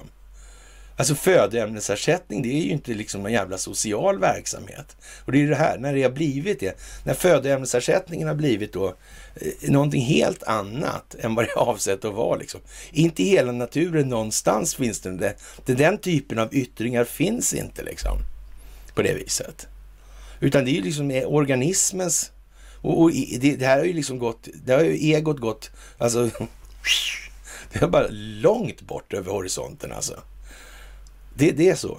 Ja, och, och man, man, skulle kunna tro liksom att de skulle upptäcka det där, men nej, det gör de inte, utan de kör på liksom. Och möjligtvis är det så att det ska vara optik. Det ska vara tydligt alltså. Det här är hur dumt som helst alltså. Jag menar, det, det är bara så. Det, det, är helt rubbat och det håller inte ihop någonstans också. Heller. Ens. Ja, och, och naturligtvis är de tvungna att slå ett slag för att de är under den här miljardärsdagen och de träffar knappt en enda kvinna då. Och, och, det finns då 90 kvinnor som är miljardärer, knappt 70, 17 procent då.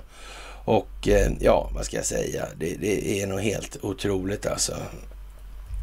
Ja, ja eh, Cervenka tagen inte av Rolexen för 685 000. Han hade blivit så vänligt bemött eller blivit bemött så in, som han blev i den här klockaffären och, och jag vet inte vad man ska säga egentligen.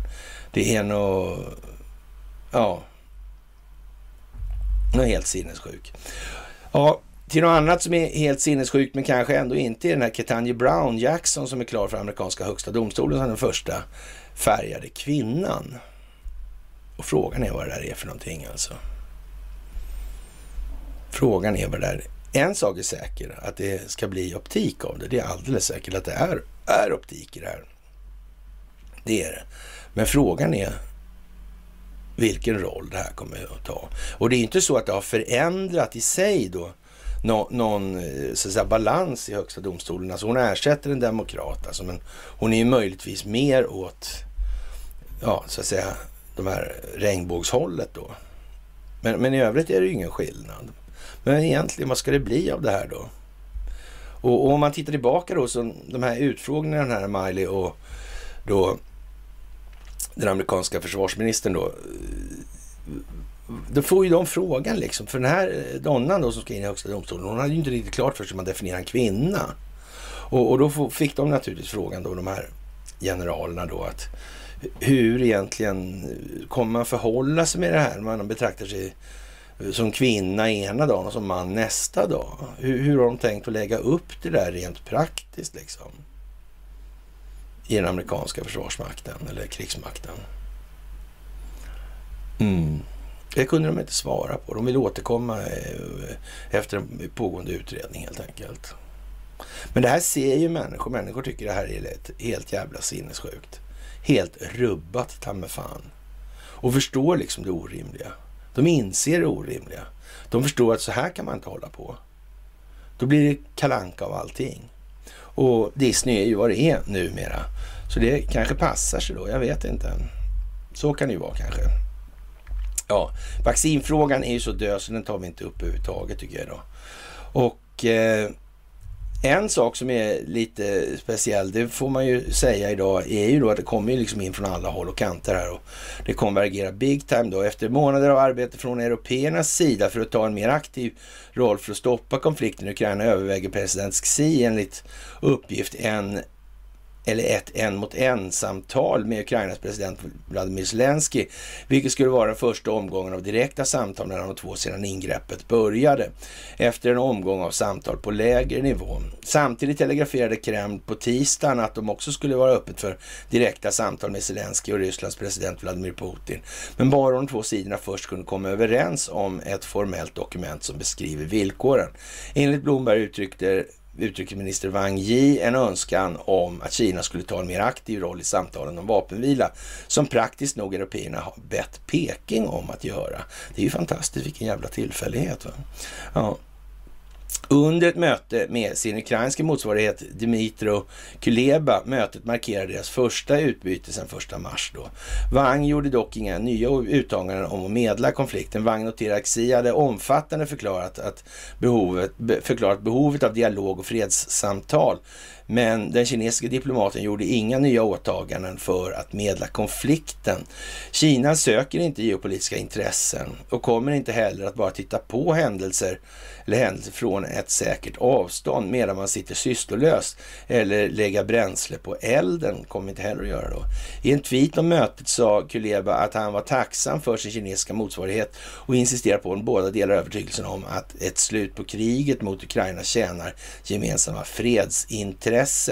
Efter Xis videotoppmöte i fredags med EU-ledare sa en hög tjänsteman från det kinesiska utrikesministeriet att ett samtal mellan de kinesiska och ukrainska ledarna alltid alltid har stått på agendan.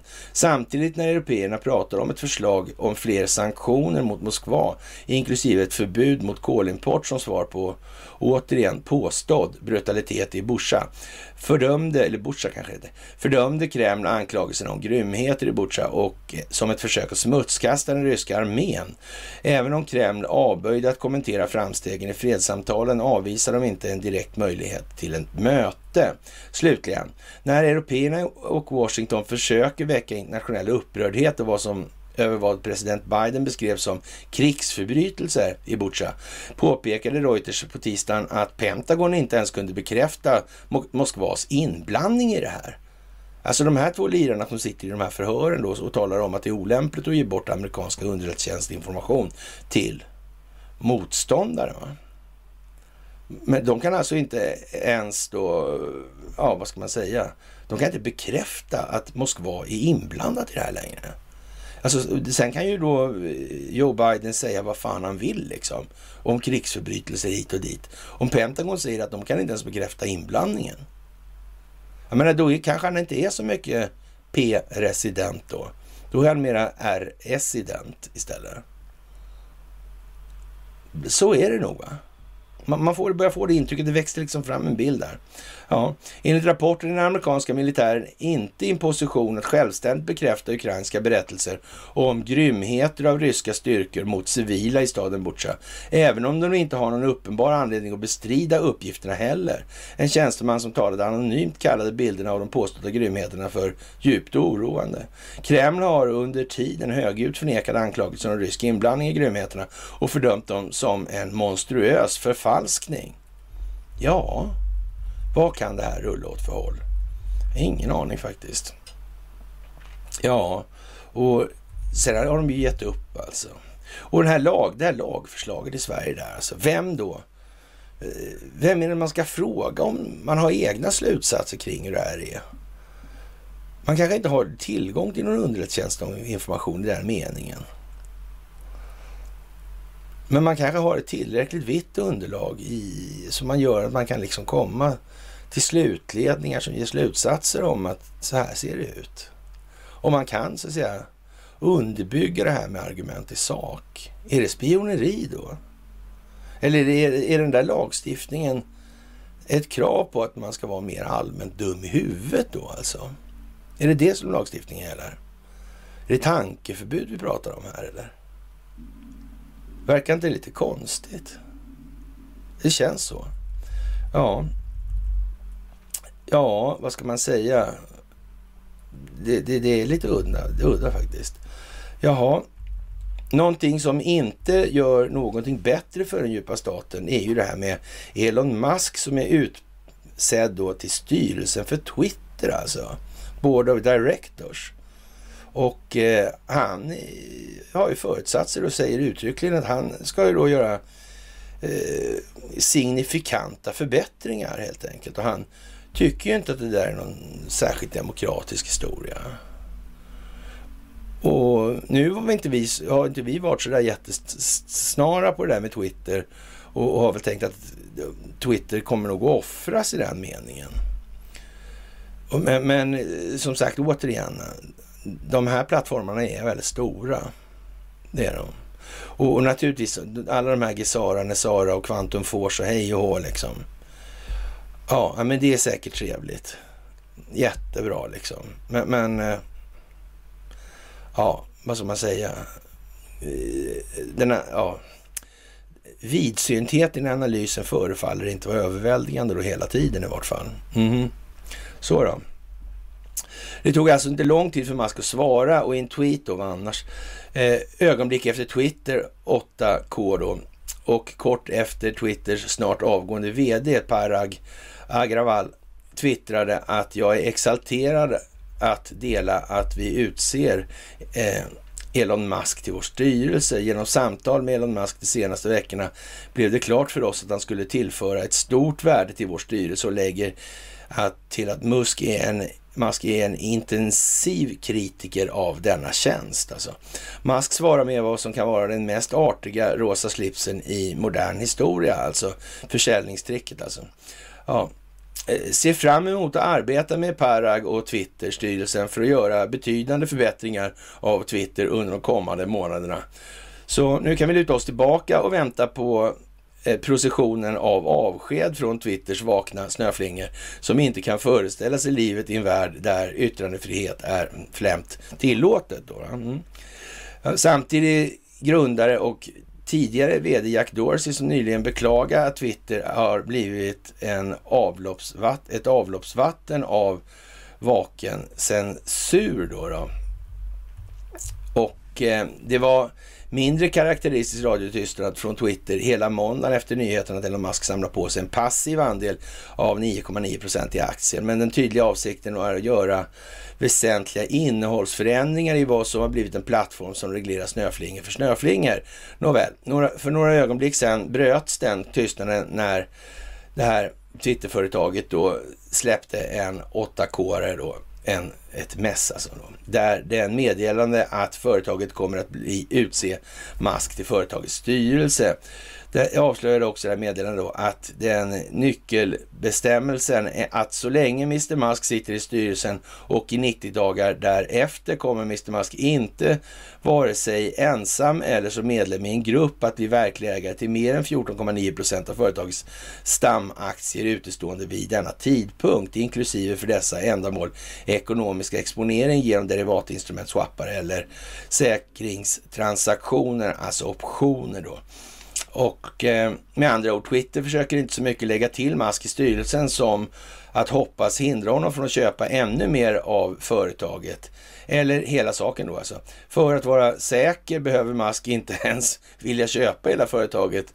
Så för som eh, Bofa då, alltså Bank of America, skrev i sitt svar på Musks nyheten där att eh, allt miljardären kan vara ute efter är att lära sig vad som får Twitter att buga och bocka. Men det vet han redan och det här handlar om, ja, till 100% säkerhet, alltså om folkbildning. Det här är ingenting annat, precis som vi sa i måndags, innan det här var uppe då. då. Det är det det handlar om. Och medan vi väntar på Musks svar på Twitter är en sak klar. Den nuvarande ledningsgruppen på Twitter med den vakna vdn Parag Agrawai i spetsen är så gott som borta redan nu alltså. Det är ju helt givet.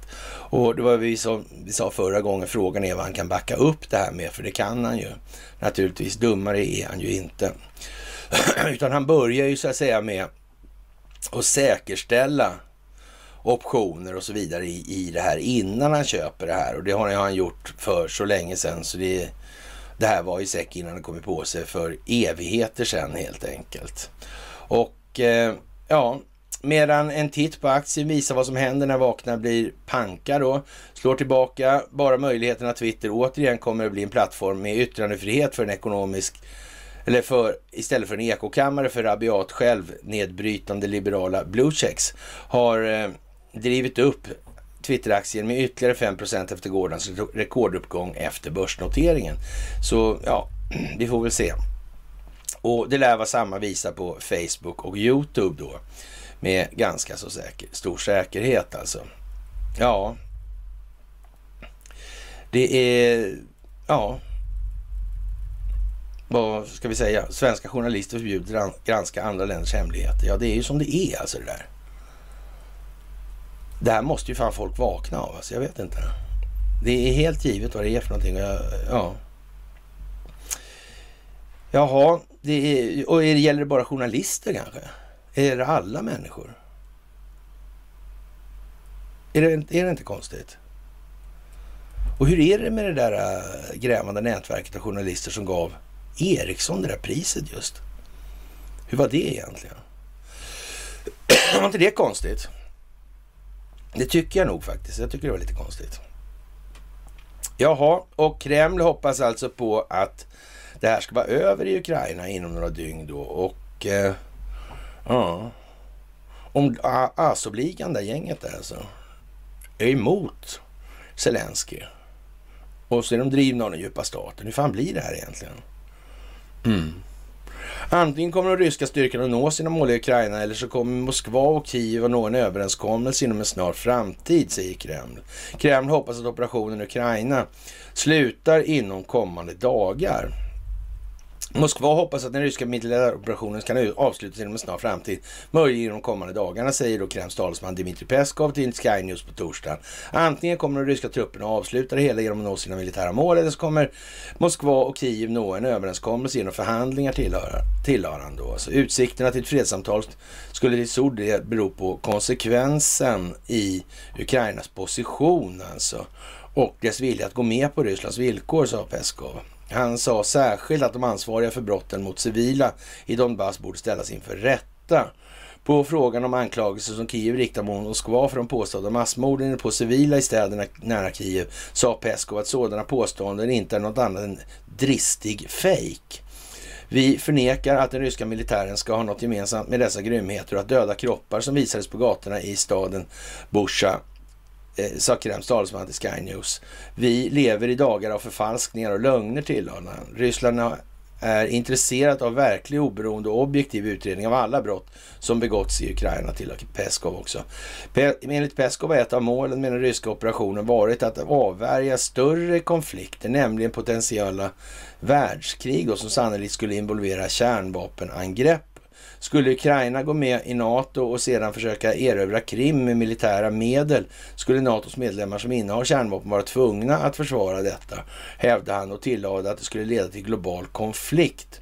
Ukraina var ett antiryskt centrum sedan 2014, sa Kreml, alltså när då den djupa staten arrangerade den här Majdan-historien. Då. Och eh, ja, NATO är långt ifrån defensivt militärt block också. Ja, det är inte en fredlig allians. Den var skräddarsydd för konfrontation med huvudsyfte. Det är huvudsyfte med existensen är att konfrontera alltså vårt land, har Peskov sagt då. Peskovs intervju väckte omedelbart kritik från brittiska tjänstemän. Den brittiska parlamentsledamoten Tom Tugendhat Tugendhat, ja. Chefen för utrikesutskottet har stämplat den ryske talesmannens ord som lögner, ja, så, som inte är avsedda att tro på. Eh, Ryssland inledde alltså storskalig insats då mot Ukraina i slutet av februari och efter Ukrainas misslyckade misslyckande med att genomföra villkoren i Minskavtalen då som undertecknades då ja, 2014 och eh, ja, vad ska vi säga, Rysslands slutliga erkännande av Donbassrepubliken och Donetsk då i Olegansk. då. Ja, de fysiska förmedlarna av Minskprotokollet var utformat för att reglera statusen för regionerna i den ukrainska staten. Och det här är ju liksom vad det är nu. Va? Och, och Ukraina hade förberett ett angrepp i det här naturligtvis. Då. Och eh, hur allt det här egentligen förhåller sig, det kommer ju utvisa sig nu efterhand som det utbryter fred eller råder fred där. Och eh, det är ju naturligtvis ingenting som ja, man önskar från den djupa statens sida. Ryssland har nu krävt att Ukraina officiellt förklarar sig vara ett neutralt land som aldrig kommer att ansluta sig till USA-ledda NATOs militärblock. Kiev insisterar på att den ryska offensiven var helt oprovocerad och har förnekat påståenden om att den planerar att återta de två rebellregionerna med våld. Men som sagt, det finns ju dokumenterad information här alltså. Man behöver liksom inte Nej, det, det, det, det, är inget annat. Och finns inte det, ja, då är det bad luck då för de som inte har skaffat sig en sån då. Och ja, det är som det är. Kort sagt. Vidare då, den här Alex Saknin alltså. Ja. En Navalny-typ alltså. Det där är ju liksom märkligt. Och den här Per Shapiro har skrivit honom i Nya Dagbladet. Och Per Shapiro är ju som han är då. Mm. De där är inte så jättemycket att ta på allvar helt enkelt. Kort sagt. Ja, i ryska influencers klipper sönder sina Chanel-väskor då i protest och ja, de gör lite omvänd ryggtagning där på Andreas Cervenka och hans förehavanden. Och eh, ja, jag vet inte.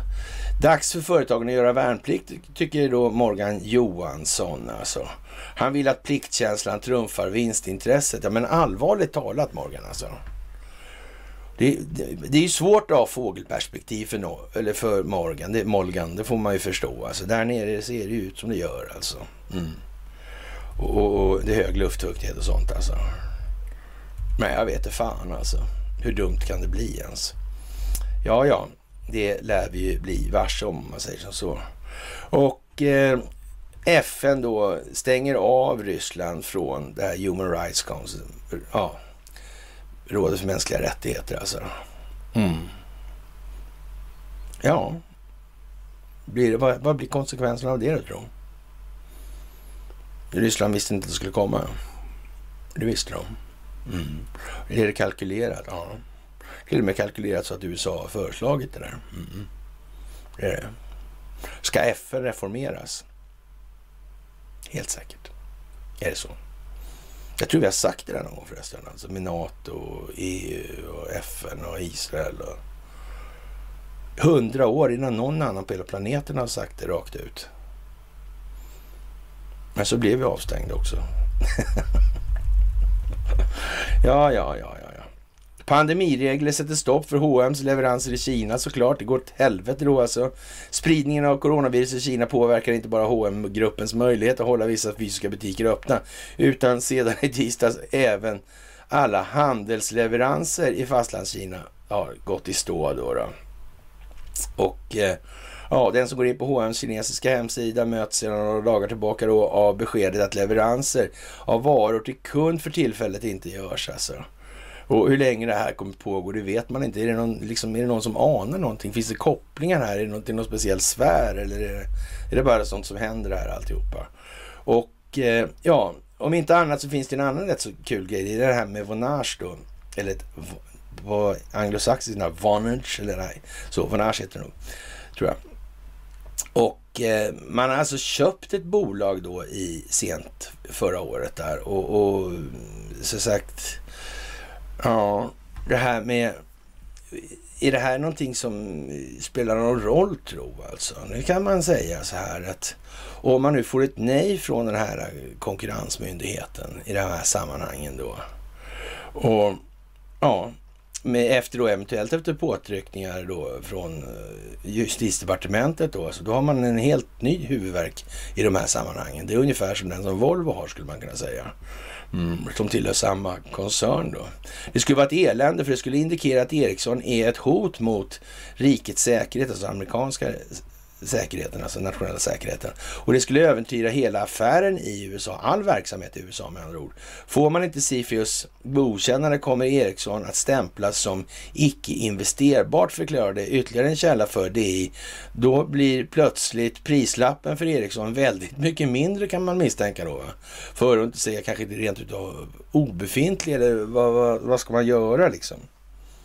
Det är ungefär som den där oljeledningen liksom. Har du inte tillflödespunkten så är det väl inte så mycket att hurra för va? Nej. Den kan de ryska staten köpa för en krona sen. Mm.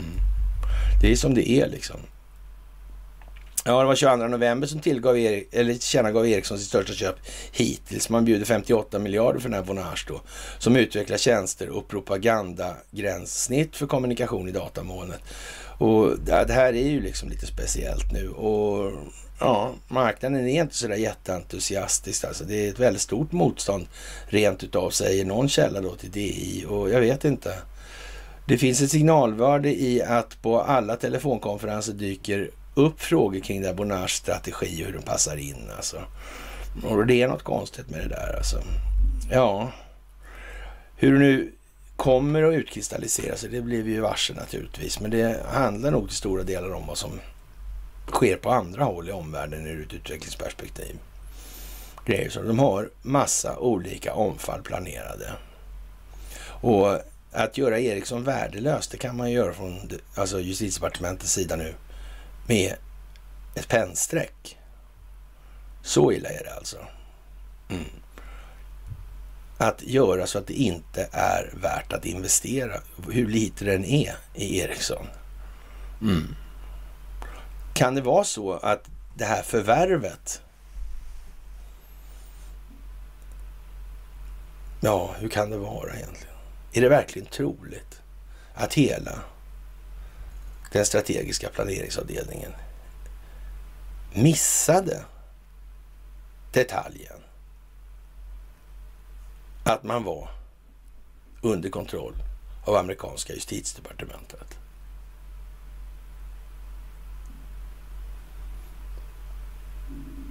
Mm. Kan det vara så ens? Jag är inte säker alltså, men det kan ju vara det. Jag vet inte. Ja, det är ju konstigt. För ja, man vet ju aldrig alltså. Ericsson befinner för närvarande i en tyst period efter inför första kvartalets rapport som presenterades den 14 april. Ja. Det, är ju, det skulle vara ett elände här alltså. Ja, jag vet inte. Det kanske är det. Jaha. Ansökan om NATO-medlemskap tar som sagt en dag, säger då Stoltenberg en gång i tiden där. Och nu söker alltså Finland, enligt uppgift, förbereder NATO-ansökan. Och som sagt, då blir det här brödrafolkens väl som vi tog upp. Ja, det är konstigt. Mycket märkligt. Intressant. Ja, det är ju lite... Antalet gånger som Joe Biden har lagt fingrarna i fel kakburk, de verkar vara obegränsat många helt enkelt. Och det här kommer ju att rulla ut sig. Och det håller på att rulla ut sig. Något helt förjävligt. Jaha, det här är någonting som beskrivs hela tiden och eh, när det gäller sanktionerna så har Turkiet helt plötsligt beslutat sig för att inte gå med i NATO i den delen. Mm. Samtidigt som man lägger ner det här mot Khashoggi. Ja, eller mot Saudi ska vi säga, gällande Khashoggi. Aha. Är inte det konstigt? Kanske. Ja. Kanske man ska tänka på att det kanske sitter ihop. Mm. Ja, lite udda får man nog säga att det är.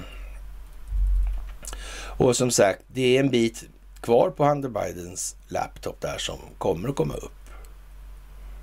En hel del skulle man kunna säga som inte har varit i ljuset av verkligheten än alltså. Och som sagt, följ gärna våran eh, deep state historia där. Det är bra med de här korta klippen med den lilla datarösten. Det är riktigt praktiskt faktiskt. Och sprid dem gärna till andra länder.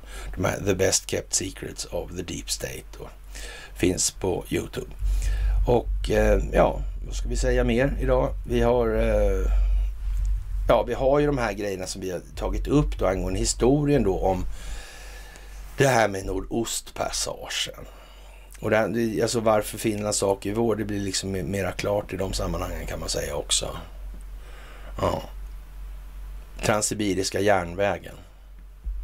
Varför uppstod första världskriget? Varför måste man ha ett första världskrig? Och när inte det gick så bra på ett tidigt stadie där så, ja då fick det fan bli en revolution, den där som misslyckades 57 där. Alltså 1957. Och det här har att göra med det här eh, Ostasiat och bolag. Det har att göra med Gustav Oskar Wallenbergs avtal. Det är han som var västerlandets första diplomat i Asien. Där. Det har att göra med Serafimerorden. Det har att göra med opiumkrigen, opiumavtalen och så vidare i det här. Den här uh, transsibiriska järnvägen, vad tänkte tsarerna den till egentligen? När byggdes den? Mm. Det var ett jävla bråttom med revolutionen där alltså. Vilka finansierar den här ryska revolutionen och så vidare. Mm. Hänger ihop. Ja, vi får väl kanske fundera på det alltså. Boris Johnson har ju påbrå från den här tiden och han anser inte att transkvinnor borde få tävla mot kvinnor. Och det kan man ju tycka är speciellt alltså. Och SVT skämmer ut sig ännu mer och får Bert, eh, Bert eh, den här Getost-Bert då, säga vad han vill när han är tillbaka i Ryssland här. Och ja, det får han göra då enligt SVT. Den fruktansvärda censuren till trots alltså. Det är tur då för dem att de inte har svensk yttrandefrihet, för då hade det varit tyst i rutan, mer eller mindre. Det kan man ju konstatera. Och som sagt, oavsett om Donald Trump blir president eller inte så bör Sverige gå med i NATO, säger Olle Westberg med Ä då. Och det här är ju en riktig spefågel alltså. Ja, han var konsul i New York där. Och det där jävla konsulatet i New York, det är någonting alltså. Det kan ni titta lite på och fundera lite kring. Ja, det är mycket speciell historia faktiskt. Ja, och eh, ja, vad ska vi säga?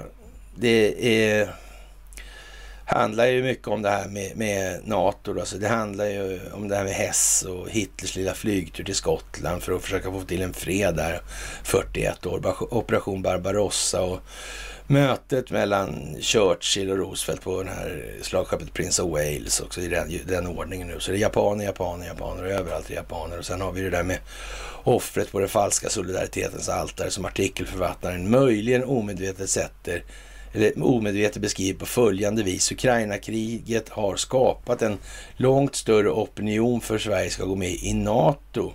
Det motiveras både av vår egen säkerhet och av internationell solidaritet. Alltså, man kan väl säga så här att eh, det, det, kan ju vara riktigt bra och faktiskt så är det ju därför vi ska gå med i NATO på hela taget. För att den svenska befolkningen eh, ska tvingas upptäcka att dess välstånd offras på den falska solidaritetens altare. Det är ju så det är. Vi måste ju komma i kontakt med verkligheten. Så det blir ju som, eller så att det blir som Torsten och Tid beskrev det här, att det skulle bli. För det är så det måste bli. Vi måste komma till en punkt i vår självrannsakan där vi är i kontakt med verkligheten. Det duger inte längre helt enkelt annars. Och med det kära vänner så får vi väl säga att vi har gjort klart det här fredagsmyset och vi hann inte på långa vägar igenom så mycket artiklar det var. Men det var helt givet. Upptrappningen är dramatisk, den är monumental skulle jag vilja säga. Den liknar en tsunami av dramatik som väller in över landet och det börjar alltså, eller började alltså med Brottsjön ifrån Ukraina, vilket var precis vad vi hade postulerat skulle bli fallet. Och eh, eftersom det är fredag så är det helg och eh, jag får tillönska er en fantastiskt trevlig helg. Det snöar helvetet uppe i Indien och eh, ja, händer inget annat oförutsett så syns vi naturligtvis på måndag och ni ska som alltid ha det största av tack för det ni gör för det här och vi gör det här tillsammans. Okej, trevlig helg!